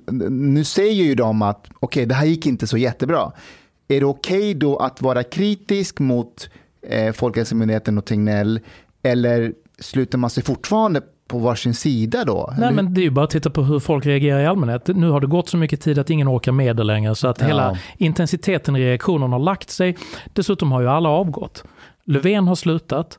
Johan Carlsson har gått i pension. Så att nu är det ett nytt garde som kommer in och de kan ta smällen och säga att ja, de som var före oss gjorde vissa misstag så att vi har nu sett över våra rutiner. Och sen så kan allting putta på. Men jag vet inte, jag vill ändå säga att jag inte hade helt fel när jag kritiserade masshysterin och för en gångs skull tyckte att Tegnell och kompani gjorde ett helt okej jobb med att, så här, man får inte glömma, Tegnell och hans team, de ansvarar inte, rätta mig om jag har fel, för att skyddsutrustning, beredskap och rutiner på äldreboenden och sånt var katastrofal. Mm. Det är ju kommunalt. Mm. Eh, och sen liksom, från libertarianskt håll så hör man ofta argumentet att varför har vi till exempel alkoholmonopol? Det är ju löjligt. Det faller alltid på att vi ska skydda de svagaste på bekostnad av Mm. vanliga människor som kan hantera alkohol. Kan man inte dra samma argument för covid då? Att jag är helt för att vi skyddar enbart riskgrupperna och inte stänger ner hela samhället. Mm. D- där använder jag samma Ja argumentation. men kolla, de primära grejerna här liksom, som även kommissionen riktar kritik mot, det är ju till exempel att man kom inte igång med ordentlig testning tidigt. Så du hade inte ordentlig smittspårning i Sverige jämfört med vad The de whole hade thing about like the people coming from Italy were vacationing in Italy. Ja, man spelade konsekvent så spelade man ju ner en massa olika saker och gjorde konsekvent underskattningar av saker och ting. Och det är väl det som är allvarligt. Just, ja, alltså, jag, jag tyckte det var provokativt när Johan Giesecke gick ut liksom och sa till alla andra länder gör fel, bara Sverige gör rätt. Samtidigt så, så så att, men vi gör ingen testning. Som Tegnell uttryckte det då i februari, så att, ja men nu är det inte lönt att vi testar längre, för att nu vet vi att nu är smittan där ute, så att nu behöver vi inte testa längre. Och samtidigt så sitter chefen för WHO och, och säger i sändning test, test, test. Det är det vi måste göra nu. Vi måste spåra smittan för att kunna liksom tracka det här. Så det kan man ha olika åsikter om vad som är liksom hur man ska göra. Men det framstår som oerhört slarvigt att i in inledningsfasen av en okänd e-, epidemi bara tycka att nej, vi testar inte så mycket. Vi gör, vi gör bedömningen att det är nog inte så farligt.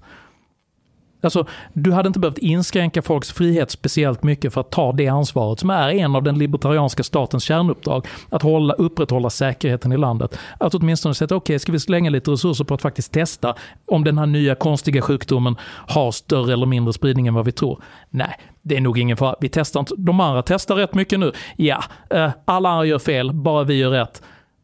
Konstig, konstig hållning. Och konstigt att folk blir arga som bin av att man påpekar det. Vilket var det jag gjorde.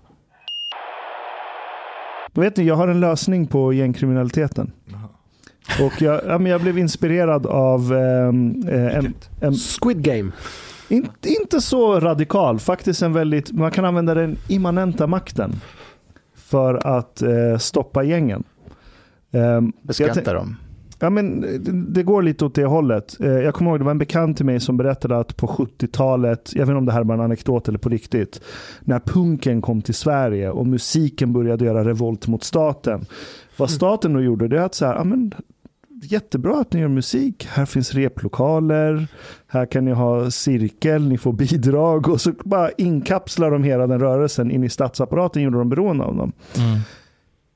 Gängen kommer alltid behöva cash.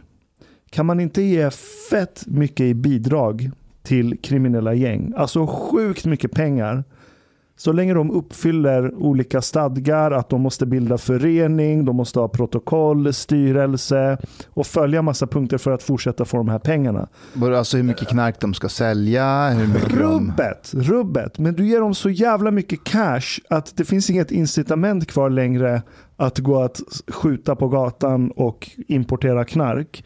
Utan det är mycket enklare för dem att bara fylla i de här protokollen Ashkan, och få pengar. De här You har inte ens gått i skolan. you det just spelar ingen roll. out socialized Eh, Socialdemokraterna än Vänsterpartiet.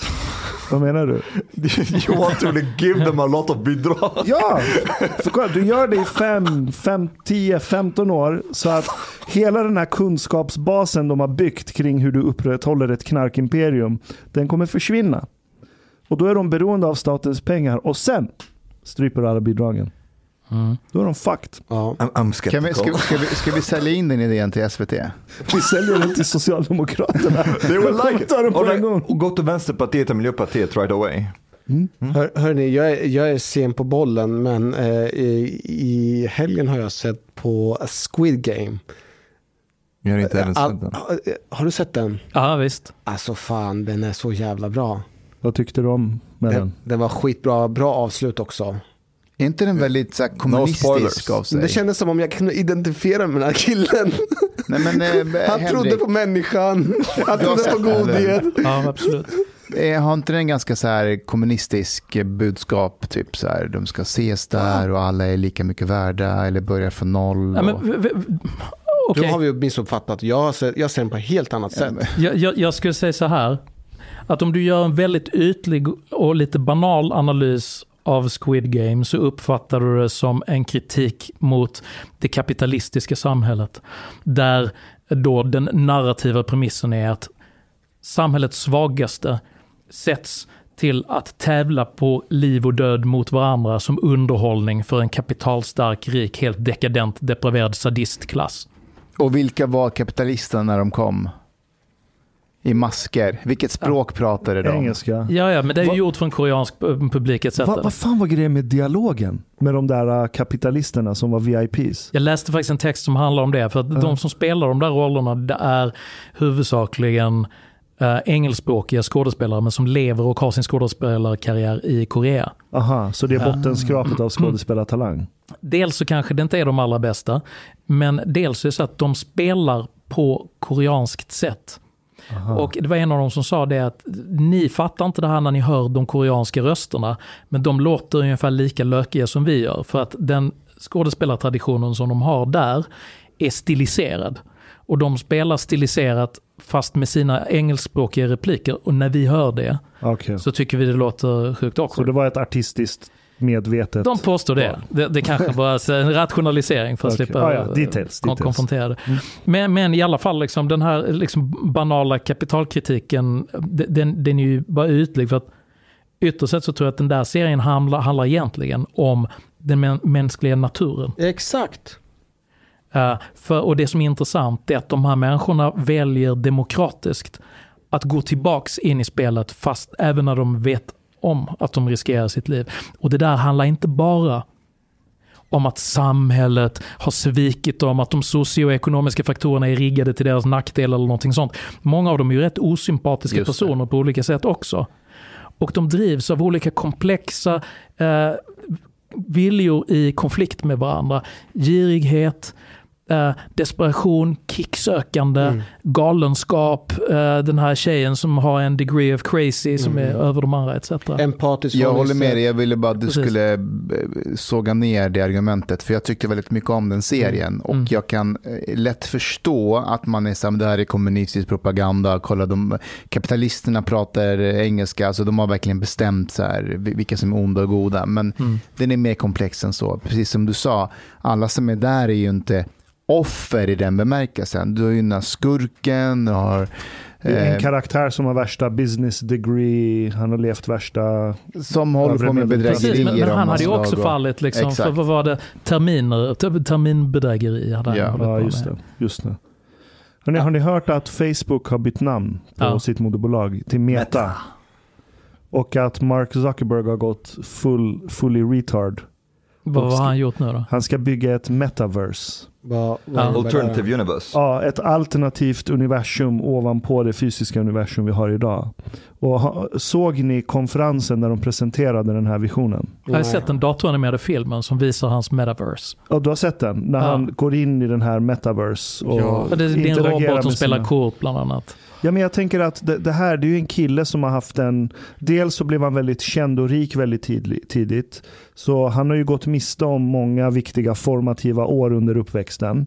Eh, sen är han kanske inte världens mest social skill liksom människa. Han har inte världens bästa sociala förmåga. Man ser ju bara hans ansiktsuttryck, sättet han rör sig på, sättet han dricker vatten på. Han är väldigt awkward socialt. Han har väl någon on the spectrum skulle jag säga. Det var ju Definitivt. roligt i hearings för ett år sedan när de Ja. eh, liksom frågade ut honom. Och det sitter någon så här gammal senator som liksom knappt, alltså Löfven har inte handlat på nätet. Den här killen, han, han har inte varit på nätet. Han frågar liksom så här, um, well you don't charge people for using your service, how do you make your money? Uh, Zuckerberg bara lutar sig fram, sir, we run ads. Det blev ju en t-shirt som man kunde beställa där det stod Sir we run ads. Men jag tänker att han, han har ju så här en bild av hur världen borde vara. Mm. Så att den passar honom mer, där han är mer bekväm. Och nu sitter han på det här teknologiska kapitalet, kunskapskapitalet. Han har ändå byggt ett imperium, kudos till honom för det. Men nu ver- det här det är bara jag som är lite konspiratorisk och spekulerar här, men det verkar som att han bygger nu ett universum som är så magiskt och vackert och med teknologi, det är ju nästan som magi när det är riktigt bra. Och det kommer ju suga in människor in i det för att det är liksom instant gratification, du kan göra dig själv vacker, du kan äntligen bli den du önskar att du alltid hade varit. Och så försöker han trycka in alla människor i en värld som är anpassad efter honom. Shit, what if this is like the proto model for simulation? Det skulle det kunna vara. Det skulle det kunna vara. Men jag blir ärligt talat lite skraj av den utvecklingen. Varför?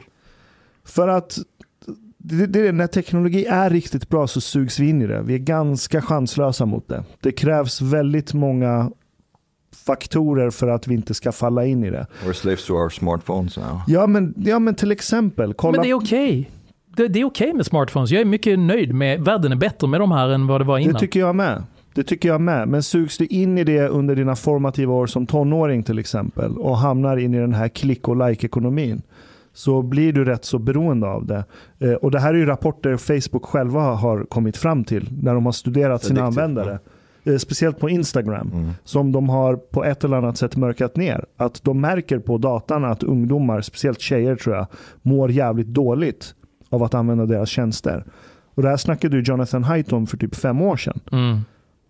Och nu ska han bygga ett metaverse där du tar på dig ett par VR-glasögon och så är du i en värld där du äntligen kan vara den du drömde om att Fa- vara. Fast vänta lite, så Facebook som har alltså anlitat de här som jobbar på Las Vegas med de här Jack Vegas-maskinerna och sagt till dem bokstavligen, gör Facebook som de här maskinerna, att vet, det blinkar, notiser, man klickar, mm eh, så att det verkligen blir så här beroendeframkallande. Och så, de har kommit ut med, ut med en rapport nu om att fan, folk blir beroendeframkallande Ja, ja. Av, av det vi... Inte bara beroende, och det, om det bara hade varit det hade det ju varit inte jättehemska nyheter, det är också hemska nyheter, men att folk mår psykiskt dåligt. Alltså- de får fucked up självbild, de blir deprimerade. Jag vet inte hur din Facebook-feed ser ut. Men om jag såg en slot machine som såg ut som min Facebook-feed så hade den varit den tråkigaste slot machinen ever.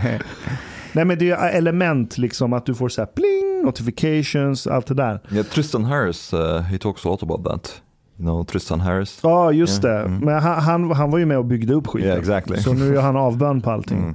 Men jag tänkte det här liksom debatten om nätjättarna. Ska man reglera dem? Mm. Finns det någon nivå de kan nå där staten måste gå in och sätta gränser? Mm. Eh, hur ser du på det ur ett libertarianskt perspektiv? Det är en jättestor fråga. Ska vi gå in i den? Sure. Let's do it. Vänta, har vi börjat spela in? Nej men okej. Jag har en fyrfältare som beskriver den problematiken. Man måste hänga med på ett, ett gäng olika begrepp för att liksom kunna diskutera det här på riktigt. Alltså i, i, I Sverige när folk diskuterar nätplattformarnas roll så har folk i allmänhet bara ett av totalt sett åtminstone fyra olika perspektiv man måste ha samtidigt. Och då kan du vara som som Dagens Nyheter och liksom Expressen under Thomas Mattsson. Där man tycker att de sociala medierna och nätplattformarna har stulit våra annonsintäkter och därför måste de regleras och de måste bli mer som redaktörer. Men det finns ett gäng andra perspektiv. Så att, okej, låt oss börja från början då. Anledningen till att de sociala medierna och nätplattformarna har fått den framskjutna plats som de har idag, att de har tjänat så mycket pengar. Allt det beror på en lag som heter The Communications Decency Act från 1996. I den finns det en paragraf som stipulerar att ägaren till en elektronisk anslagstavla inte kan hållas juridiskt ansvarig för vad användare skriver på anslagstavlan. Det här var alltså way innan sociala medier fanns. Den lilla skrivningen skapade allting som är crowdfundat som finns idag. Allting från Tripadvisor till Tinder kom på grund av detta. Att man får lov att samla in användarnas innehåll på ett ställe. Allt som är crowdsourcat menar du va? Inte Eh, crowd, ja, ja, crowdsourcat Okej, menar jag. Bara så jag hänger med. Ja, precis. Crowdsourcat. Precis. Och att de har den här situationen där de kan eh, liksom crowdsourca all den här informationen. Det kallas för, på svenska, för budbärarimmunitet. Det innebär att om Ashkan, om du har eh, ett, en, en nättjänst så har du immunitet. Om Mustafa skriver någonting eh, rasistiskt så kan inte du straffas för det om det är hets mot folkgrupp. Och på grund av att de har haft den här budbärarimmuniteten så har de kunnat växa sig och bli väldigt stora. På andra sidan av spektrat från budbärarimmunitet finns redaktörskap. Och det är det som till exempel dagstidningarna nu säger då. Thomas Mattsson till exempel var ju en kämpe för det där. Så han menade ju att Google måste gå in och anställa, han skrev det här i en tidning, eh, i sin text. Anställ 200 redaktörer och eh, liksom var redaktörer för allting som finns på Google. Eh, det kan man tycka. Då skulle Facebook och Twitter bli med ansvarig utgivare där alla kommentarer måste granskas för att plattformen blir ansvarig innan de publiceras. Och, och de kommer att liksom regleras på olika sätt liksom innan det publiceras. Får jag fråga, är det ens möjligt? Säg att, Det är man skulle, säg att man skulle anställa 2000 redaktörer, vilket Ja. låter, men är det ens möjligt att ha kvar de plattformarna då? det, det, kan man, det är en annan fråga. Det skulle vara väldigt svårt att göra det. De skulle ändra karaktär på många sätt. Och bli mycket tråkigare och mer reglerade. Och du kanske skulle vara med i olika typer av delar av sajten som handlade om olika ämnen. Där specialistmoderatorer hanterade. Alltså, Like Reddit. Okej, Ja. men är det, är det det Thomas Mattsson tror du menade när han skrev det? Eller var det bara en boomer-grej? Han trodde att... du, allvarligt talat, jag tror att mest var faktiskt en boomer-grej och, och även att han vill eh, ha mer tillbaka sina annonsintäkter. Vilket är helt förståeligt. Ja, så det är inte en konstig argumentation, men, men det här är liksom den ena konfliktytan. Uh, budbärarimmunitet mot redaktörskap. Du kan vara en av de två sakerna, men du kan inte vara båda samtidigt. Du kan inte både ha budbärarimmunitet och anse att du ska vara en redaktör på vad som skrivs på din sajt samtidigt. Och där är vi lite grann nu. Och det är en del av den här kontroversen som finns då där det är många människor som står till höger i politiken, det är många conservatives i USA som uppfattar att de sociala nätverkens grundare, ägare, lutar ideologiskt åt vänster och har därför en, en fallenhet för att vara mer benägna att plocka bort innehåll som de inte håller med om politiskt. Aren't they though? Och vad sa du? Aren't they though? Eh, jag, min subjektiva uppfattning är att, att det är på det sättet också. Eh, men, men då är vänstern plötsligt väldigt entusiastisk för att det här är privata företag. På ett sätt som de aldrig annars är. Säger att ja, men ett privat företag måste ju få lov att bestämma själv vad de tar bort, vad de har på sin plattform. Ashkan, om du har ett företag, om, om du har ett företag, Henrik, om du har ett företag, så måste du ju få lov att bestämma det. Det tycker väl du som är libertarian? Så, jo, absolut. Men då har du ju samtidigt en situation där du har en pistol under bordet från staten där Mattssons lobbykampanj på Google fick ju till sist till stånd ett möte mellan nätjättarna och Morgan Johansson. Där Morgan Johansson sa, och det här finns med i en artikel i Expressen, att vi ser helst en självsanering äger rum i de sociala medierna. Och om ni inte klarar av det, då är vi inte främmande för att gå fram med tvingande lag. Så att den här redaktörskapet leder ju då fram till att de som sitter och är ansvariga för de sociala medierna blir ju benägna att inte vilja stöta sig med det politiska etablissemanget eftersom de blir rädda för att bli reglerade då. Ingen vill gå hem till USA och säga att det var jag som råkade få Facebook Sverige reglerat, liksom. det var mitt fel. Så att då tar man det säkra för det osäkra och så börjar man plocka bort ganska mycket content. Så att det är då att försöka sitta på två stolar. Man vill åtnjuta budbärarimmuniteten och säga att ja, men folk får tycka vad de vill. Förutom att vi är redaktörer ibland när det är grejer vi inte gillar. Och då får du ett problem som knyter an till den andra axeln i den här diskussionen. Och det är då att när man pratar om det här att företaget ska vara privata och de får göra vad de vill. Det där är en sanning med modifikation. För det finns inga viktiga företag i västvärlden som får lov att göra precis hur de vill. I Sverige kallar vi det här begreppet för kontraheringsplikt. Det innebär att om du har en bank så får du inte lov att säga att uh, vi accepterar inte homosexuella kunder i vår bank. Du har ett vägbolag så får du inte säga att uh, vi eh, tillåter inte kristna att köra på våra vägar. Därför att då anses det att ditt företag är för viktigt för den medborgerliga rätten att fullödigt kunna delta i hela samhället. Du kan inte ha ett flygbolag, Mustafa, som säger att Nej, men vi, kvinnor får inte flyga med ett flygbolag. Det är därför jag inte har ett flygbolag. Då har du kontraheringsplikt. Det säger att har du ett infrastrukturellt betydelsefullt företag så måste folk få lov att använda det. Uh, och där är väl perspektivet som jag har egentligen att de sociala medierna och nätplattformarna kanske är så demokratiskt betydelsefulla nu att de bör falla under kontraheringsplikten. Det vill säga att de ska inte få lov att stänga av folk som inte liksom bryter mot lagen eller har gjort någonting olagligt bara för att de tycker att vi är ett privat företag och vi gillar inte dig för att du är höger. Men det är ju inte det lagstiftarna vill. Morgan Johansson som sitter med pistolen under bordet. Absolut. Han vill ju att de ska visst stänga ner folk som sprider som åsikter. han inte tycker om. Exakt. Ja. Till exempel kritik mot covid-vaccin. Det är ett exempel. Men vad som händer om du instiftar kontraheringsplikt så fråntar du företagen självbestämmandet. Då får de inte längre avgöra vilka som är deras kunder på samma sätt som en bank eller ett vägbolag.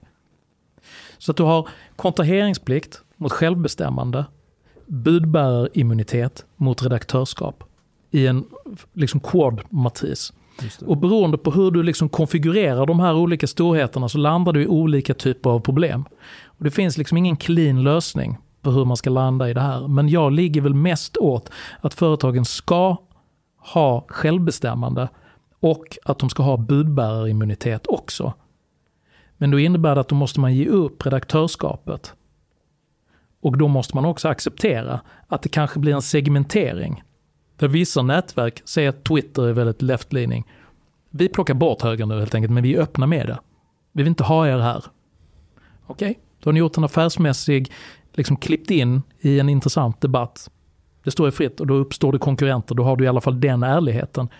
Men sammelsurium-situationen där det är otydligt vad som gäller tror jag är mycket destruktiv och helt ohållbar. Det skapar misstro, det är demokratiskt farligt, det är etiskt problematiskt.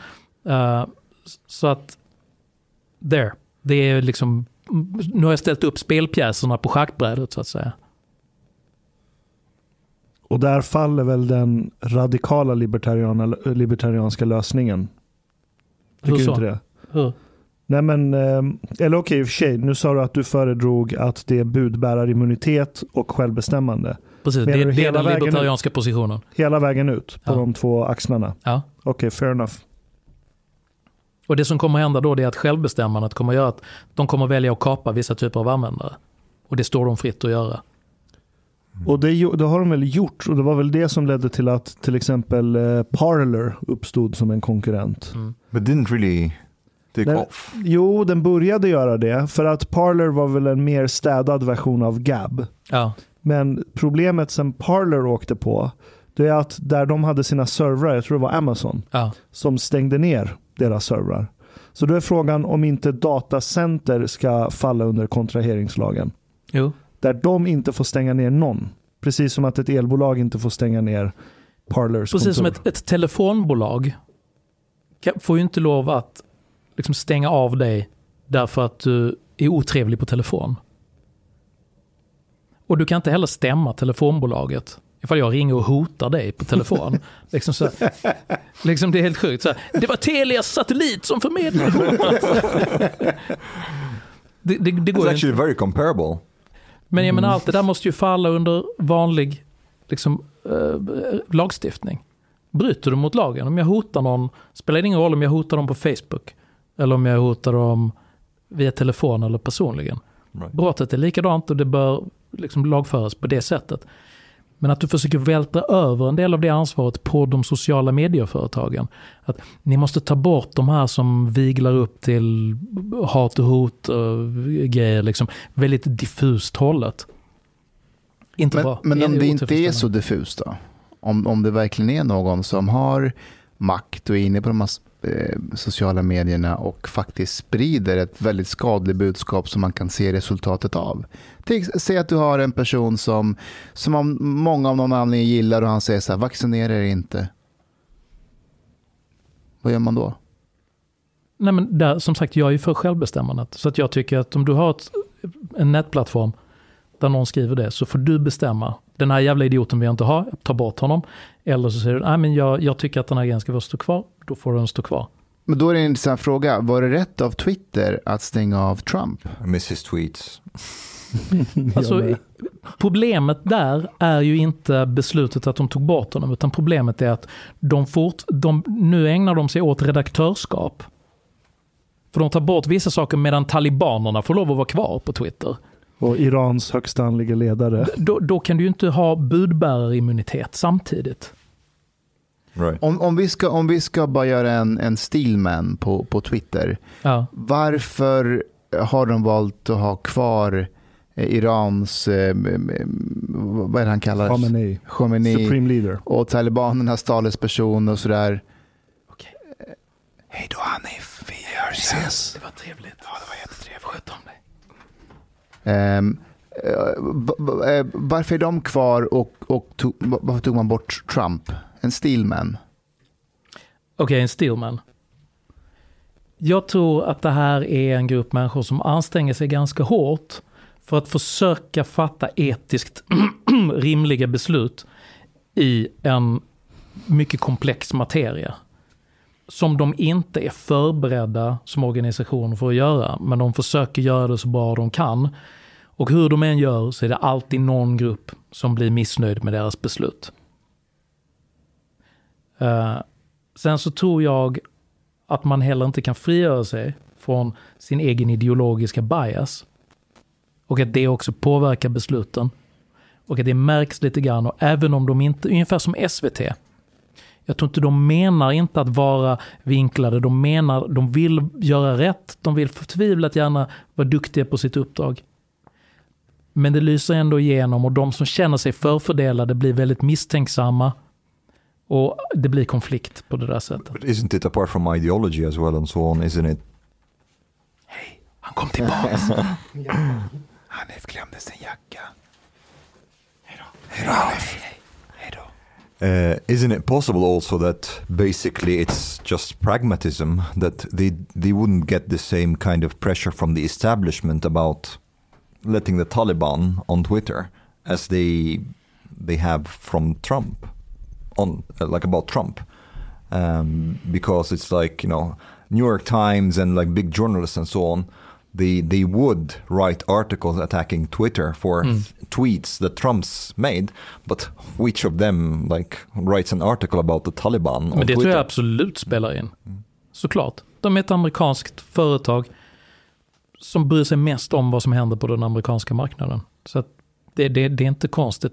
Jag, jag tror generellt inte att det är så mycket malevolence som folk gärna läser in i olika typer av beslut på det här sättet. Och det här gäller även då SVT. Folk har sett ah, deras, deras agenda de driver, de vill försöka programmera alla liksom vänsterut eller det här. De, de är ju lite besatta av just liksom den alarmistiska klimatrapporteringen nu på sista tiden till exempel. Och det kan man ju tycka är överstyr. and this graph would like uh, Miljöpartiet being Det var on this- TV4. TV4 right right but also like I don't think they did it on Nej, Det är jag bara inkompetens. Ja. Kom igen. Det, det handlar om Ja. någonting annat. Jag, jag, jag tror att det är, så, det är inte illvilja. De, de agerar inte utifrån horisonten att de försöker driva en, en konspiration. Utan det är helt enkelt så att de har en lite ideologiskt homogen organisationskultur som gör att de, Självreglerande. de, de lutar åt ett håll och de märker det inte alltid själv jättemycket. Och sen så blir de väldigt olyckliga när människor reagerar negativt och så försöker de lösa det där på olika sätt, men det är vallhänt. Och jag tror det är så det är för Twitter också. De vill vara i fred och driva sitt företag och typ göra det de tycker är schysst. Liksom. Och även om liksom, han, vad heter han, Dorsey, Mm, Dorsey. antagligen är ganska vänster, så tror jag att han tycker att conservatives ska också finnas på min plattform. Så att det är ett bra samtal. Men han försöker göra rätt och det blir fel och det blir snett för att det är en, för, det är en svår uppgift. Men om vi tar en... Men det här är en stillman jag gör nu. Jag försöker vara snäll nu liksom. du fortsätter på det spåret ett bra tag. Mm. Men om vi tar en sån som Trump, hur, hur, hur, hur mycket har man minskat hans chanser nu till nästa val med att ta bort honom? Är han borta från Twitter också? Ja. Eller förlåt, från, från Facebook? Det är han väl? Ja, jag tror det. det tror jag. Så det är väl i princip omöjligt för honom att vinna då? eh, Om han inte, om han inte har kvar de här plattformarna, eller? Det blir väldigt svårt. Mm. För just nu har ju han 90% av, av eh, republikanernas eh, stöd. Mm. Så mycket pekar ju på att han kan mycket bli nästa kandidat som ställer upp mot Biden, om, man, om Biden överlever tills dess då. Han, han, han ser väldigt spröd ut. alltså jag tror ju på riktigt att han får amfetamin varje dag. Eller i alla fall när han ska ha- hålla någon presskonferens. De vaknar ju honom med en amfetaminspruta. Ja. Nej men alltså på riktigt. Ja, ja, jag tror också det. Jag tror också det. Ja. Han är jätteförvirrad, han snubblar i trappor, Ja. han fastnar i så här kroppshållningar där man knyter ihop nävarna och ser ut som att han inte vet vart han är någonstans. Det ser inte bra ut. Nej, och jag tror att Kamala kommer döda honom. Alltså på hon väntar ju på att han ska dö. Jag, det här låter hemskt men Maybe she's the one who's giving him the amphetamine. ja, hon so at kommer- some point, hon kom- overdose. hon kommer you need to wake up more. Nej men på riktigt, om Trump skulle ställa upp mot, mot Biden nästa gång, Mm. och han, alltså, kommer vi se honom fortfarande vara borta från Twitter och Facebook? Alltså vi kommer ha en presidentkandidat som inte kommer få vara på Twitter och Facebook. Ja, det är privata företag och bla bla bla, men är inte det någon jävla demokratihot?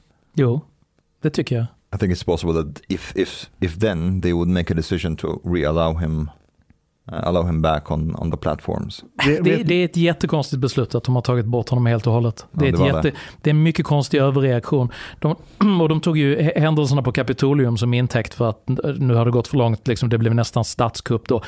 Eh, och, och det, det där var mycket hemskt och dåligt det som hände där, men reaktionen är liksom helt satt ur proportion. Ehm, Men det jag ser framför mig, låt oss säga att Trump ställer upp igen. Mm. Eh, Twitter och Facebook säger fortfarande att eh, nej men, du får inte vara på vår plattform. Trump eh, eh nominerar också en eh, vicepresidentkandidat eh, som ställer med honom, ställer upp eh, med honom. Eh, och, och, och får den här kandidaten att skapa ett Twitterkonto. Men det är Trumps budskap som du ser, alla ser att det här är Trump. Trump. Ja. Nej, nej, han, det, det är under hans namn eller hennes namn, men det, du, du hör, du läser att det här är Trump. Kommer- Cap, caps kommer- letter. det kommer ju bara gynna honom. Jo, För jag tänk, vet. hela hans stab kan ha någon så här hashtag the voice of Trump. Jo, men det är det jag och så menar. lägger de ut hans ord bara. Så- Så det kommer och då- bara göra honom större. Ja, och då, Framförallt om han vinner, då får han ju tillträde till POTUS-kontot på Twitter. Just det. Ja, det är sant. Eller ska de blocka POTUS då? men det är här jag menar. Om, om, så här, om det blir som så att det är vicepresidenten då som säger så här, du jag älskar dig, ta mitt Twitterkonto, skriv vad du vill under mitt namn. Ja. Kommer Twitter då att banna honom eller henne också? För det kommer bli en fars ju. Ja, men det, det, det är ju eh, violation of their terms and eh, conditions. Ah. Just det. Du får inte fejka och vara någon annan. Uh-huh. Men, men okej, well, okay, hur not, not fake, but like he can still like they can quote him. Ja, you know, like Ja. just well, Det är det jag menar. quotation De marks and then honom. Trump. Visst, du startar ett inspiration. Det här accountet är inspired by Donald Trump. Jag Ja. bara sitter och lyssnar på vad han säger och typ skriver ner det fast jag ändrar orden lite. Mm. But Alltså uh, tänk om han vinner igen. one part of me really wants that. Jag, jag med. Alltså, alltså om, om han ställer upp, allting pekar på att han kommer ställa upp och vinner igen. Ni, ni fattar att vi, vi lever den mest intressanta tiden någonsin. alltså, det finns ingen annan epok jag hade velat eh, leva i förutom det här nu. Nej, Jag vill att han ska vinna. För att nu med Biden, alltså om det är Biden versus Trump, för att nu med Biden, det är inte så att alla farhågorna kring Trump försvann. De fan jagar ju migranter vid gränsen med hästar och pistoler och grejer. Det är helt sjukt vad som händer där. Så Mm. det kommer inte bli sämre med Trump, det kommer bara bli mer comedy. Mm. Ja. Han ju- han ju starta ett eget sociala medier Ja, vad hände med den? organisation. Nej, Men det aviserades ju ny grej nu för två veckor sedan. Vad, vad är det det heter? Aha, Freedom Media eller något i den stilen. ah, det har jag missat. Ja. ja, men. Det, det, det är nog svårare än vad han tror Mm. att bygga en, en välfungerande social media-plattform. Framförallt så tror jag att du förlorar antagligen en del av liksom relevansen om du blir partisan. För att han kommer ju få säkert hälften av sina conservative följare. Så han får 30 miljoner användare dit direkt. Antagligen mer. Men alla kommer vara conservatives och alla left-leaning liberals kommer bara sitta någon annanstans och skrika om att "Åh, fascismen som finns där är så förfärlig. Men vänta nu, om han startar det här nya sociala medier, eh, Mm. kommer inte alla medier ändå att rapportera därifrån om han skriver sitt budskap där under valet? Så på så sätt, varför ska han ha Twitter och Facebook? Mm. Alltså även om, Ja men det är väl så han resonerar. ja, även om vi inte skaffar det här kontot där Trump är, så kommer New York Kommer Times... du inte att skaffa Donald Trumps sociala... Jo, would. alltså, finns det någon i det här rummet som inte kommer att göra det? Jo, det skulle jag göra. Det skulle jag göra. Eh, jo, min, min, min- poäng är att, att New York Times, till Aftonbladet, till eh, Arbetet, till Flamman kommer ju att eh, citera honom därifrån i Ja. sina plattformar. Med skärmdumpar så att, så att det inte finns någon URL-länk. Utan bara, åh se här hatet. Just det. Henrik, do you think liberal democracy will survive or is this the end? Um, igen, ett tvåfaldigt svar. Jag är long term optimist. Så att jag tror på människan och jag tror på civilisationen. Så att jag tror att i det långa loppet kommer allting att bli ändå bättre än vad det är nu.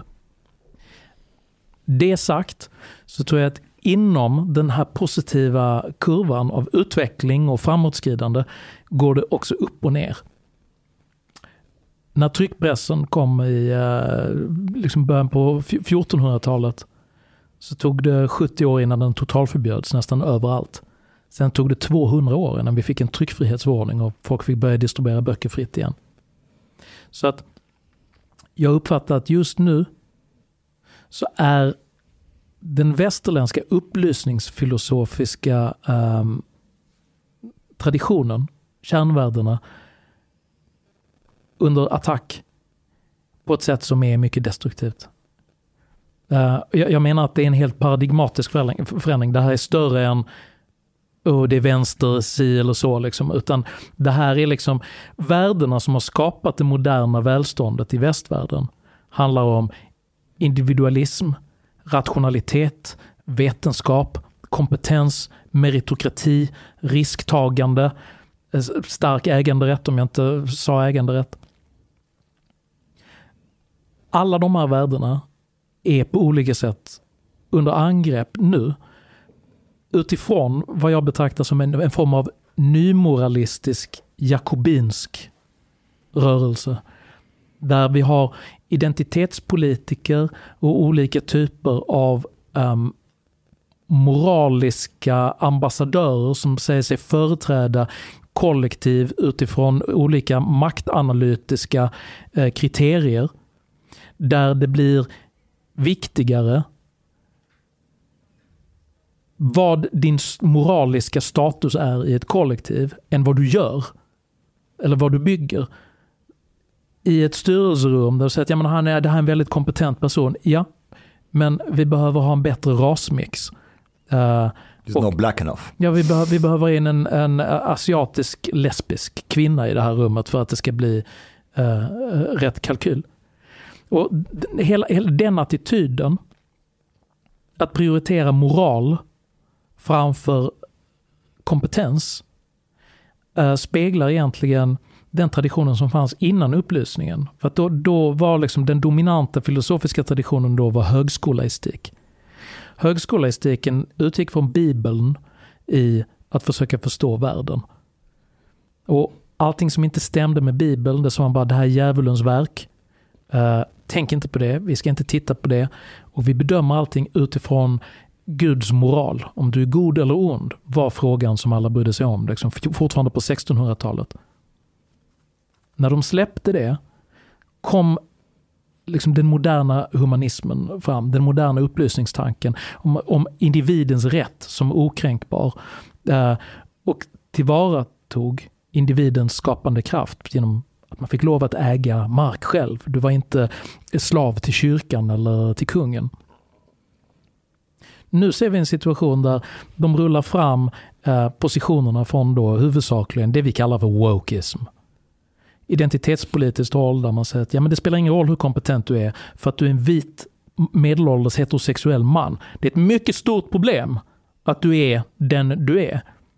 Så att sätta frågor om identitet och moral framför frågor om rationalitet och kompetens, det uppfattar jag som den enskilt största hotbilden mot hela den moderna civilisationen just nu. Ja, jag märker ju det där, jag ser det rätt tydligt, alltså bara om jag skriver någonting på sociala medier. Eh, speciellt Instagram är väldigt woke jämfört med eh, Twitter och, och, och, Facebook. Men om jag lägger upp någonting där och så är det någon, några som skriver bra, bra jobbat, bra råd eller whatever. Eh, så, så kan det komma in sådana aktivister som, som, som, som skriver liksom aha, eh, en Anders tyckte att eh, det du skrev var bra. Vilken överraskning. Och då går luften ur mig, för jag vet inte hur jag ska bemöta det här. För, för jag, du vet, jag blir genuint ledsen. Det är så här, ingenting av det jag faktiskt säger, utan det är så här, en Anders gillade det. Men hur hade du bemött det när de kom och sa att det här går emot Guds ord? Du kan inte bemöta det. det nej, men det, det går inte. För du är djävulens verk. Du använder kolonial mm. kunskap. Ja. Det är det som är djävulens verk idag. Bemöt och, inte det. Nej, och jag märker att den sidan som håller på på det, på det viset, den sidan håller på att skapa en motreaktion från andra sidan. Mm. Så härom, härom veckan när Kesar Mahmoud, jag vet inte om du känner till honom, men det, det är en, en vän till oss. Han skrev i DN Eh, eh, jag ska bara säga så här, Kesar Mahmoud är alltså stark motståndare till identitetspolitik. Han är väldigt så här meritokratisk av sig. Han säger att hela det här snacket med mångfald, så här, gå på kompetens. Liksom. Eh, han skrev eh, idén, liksom så här, sju råd till Ove, du vet, utifrån mina sju ja, råd till ja. Mustafa.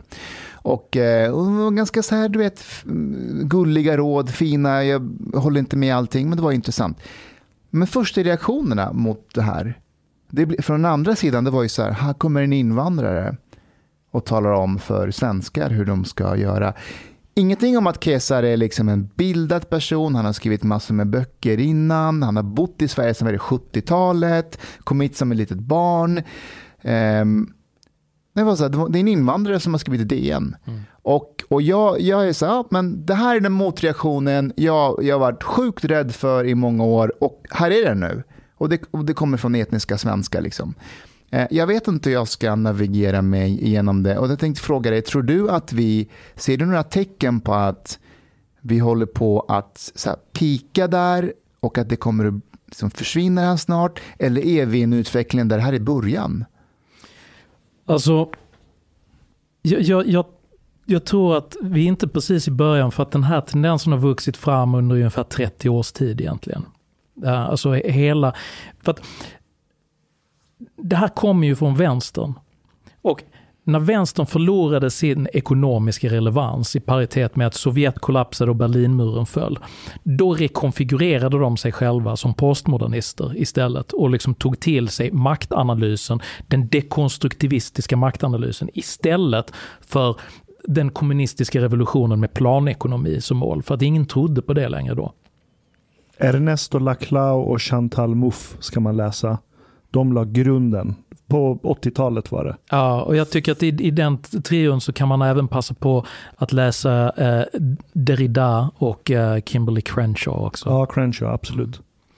Eh, tips till er som vill läsa in sig på deras verklighetsbeskrivning. Men, men det här har de sen byggt upp under 30 års tid och nu har det fått liksom ett globalt genomslag i hela hela eh, det filosofiska bagaget hos, hos vänstern är nu dekonstruktivistiskt, eh, relativistiskt, identitetspolitiskt.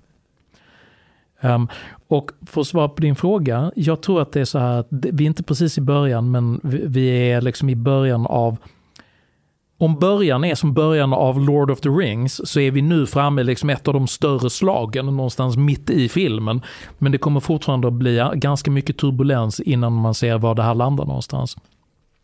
Jag tror personligen som libertarian att det är vitalt att man etablerar ett, ett rationellt frihetligt motvärn i kraft av en egen, ett eget självförtroende. För att den svenska högern saknar i stor mening, eh, bred mening egentligen självförtroende. Om du lyssnar på liksom hur en borgerlig politiker låter, om, om vänstern kommer och säger så att no, vi måste tänka på de svagaste i samhället. Och sen så framför de en ganska konstig politik som kanske har en tveksam resultat för just den här gruppen som man vurmar för. Istället för att bemöta det och säga att men det här är ju irrationellt det du säger. Så reagerar högerpolitiker i allmänhet med att först acceptera vänsterns problembeskrivning. Genom att säga naturligtvis hör vi exakt vad ni säger och vi tycker också det är viktigt att de utsatta ska hjälpas. Eh, och vi vill på inget sätt egentligen motsätta oss heller att de, att de ska få den hjälpen de behöver. Men vi vill även också så, slå ett slag för att vi, vi vill ha eh, ett visst mått av företagsamhet kvar i, i landet också. Och den här vekheten att hela tiden spela på deras planhalva måste ta ett slut. Det där, du har helt rätt i det, för precis det märker jag också och det här syntes väldigt tydligt på Sverige möts när den borgerliga politikern var där. Man inleder precis som du sa när den andra sidan säger att omfördelningspolitik, resursbrist, ni har svikit oss, kolla hur det ser ut i våra områden, det finns inga pengar. Och så säger man, ja vi håller med om att, eh, men det är viktigt också att man själv arbetar mm. och, eh, och, och, och, kanske lär sig svenska är också viktigt. Men det där hänger ihop med att i, i Sverige har det då blivit, på grund av att vi har haft en så, så liksom dominant socialistisk diskurs under så många år, så är det i princip en valuta att uh, ha offerskap. Så att om du tillhör en marginaliserad grupp eller kan visa att du är liksom förtryckt eller så. Här, så har ett bra exempel. Så tillvida att han blev ju en ikon efter järnrörsskandalen med Sverigedemokraterna då för tio år sedan. Därför att han hade rätt värden, han var invandrare, han utsattes för någonting som var helt sjukt som dessutom fick Sverigedemokraterna att se, se ut som idioter uh, i, i tv. Och, och, och, då, kan, då kan han bli upplyft liksom för att han ju, har ju ett offerskap. Som en stackars invandrare som har kommit hit. Som dessutom är rolig uppe på allting. Det är oerhört charmigt.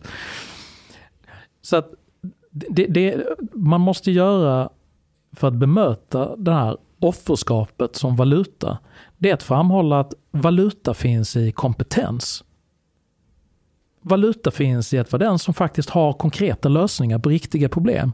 Och att sluta acceptera att vänstern ska äga problemformuleringsprivilegiet hela tiden. Och så att vi definierar att man, man, jag menar, man kan lika gärna säga så här, som att vänstern säger, vi brottas med en väldigt, väldigt stor utanförskapsproblematik i det här landet och det leder till en mängd olika sociala konflikter. Det är ett sätt att framea den problemställningen. Du kan lika gärna säga, vi har varit dåliga på att eh, ge, eh, ge, folk incitament till att ta itu med sina jävla liv i det här landet. I samma stund som du säger det så, så kommer alla gå bananas och säga att oh, du förstår inte deras offerskap. Att du kan säga så, det vittnar bara om att du är en, en patriarkal eh, fascist som sitter och inte förstår andras lidande. Men det, alla vet att det inte stämmer. Därför att vi har en högt reglerad arbetsmarknad som är svår att ta sig in på, som är byråkratisk och besvärlig och att det är så av, av ren välfärdsbekvämlighet som folk har velat ha kvar all, allt det där och inte diskutera de sakerna.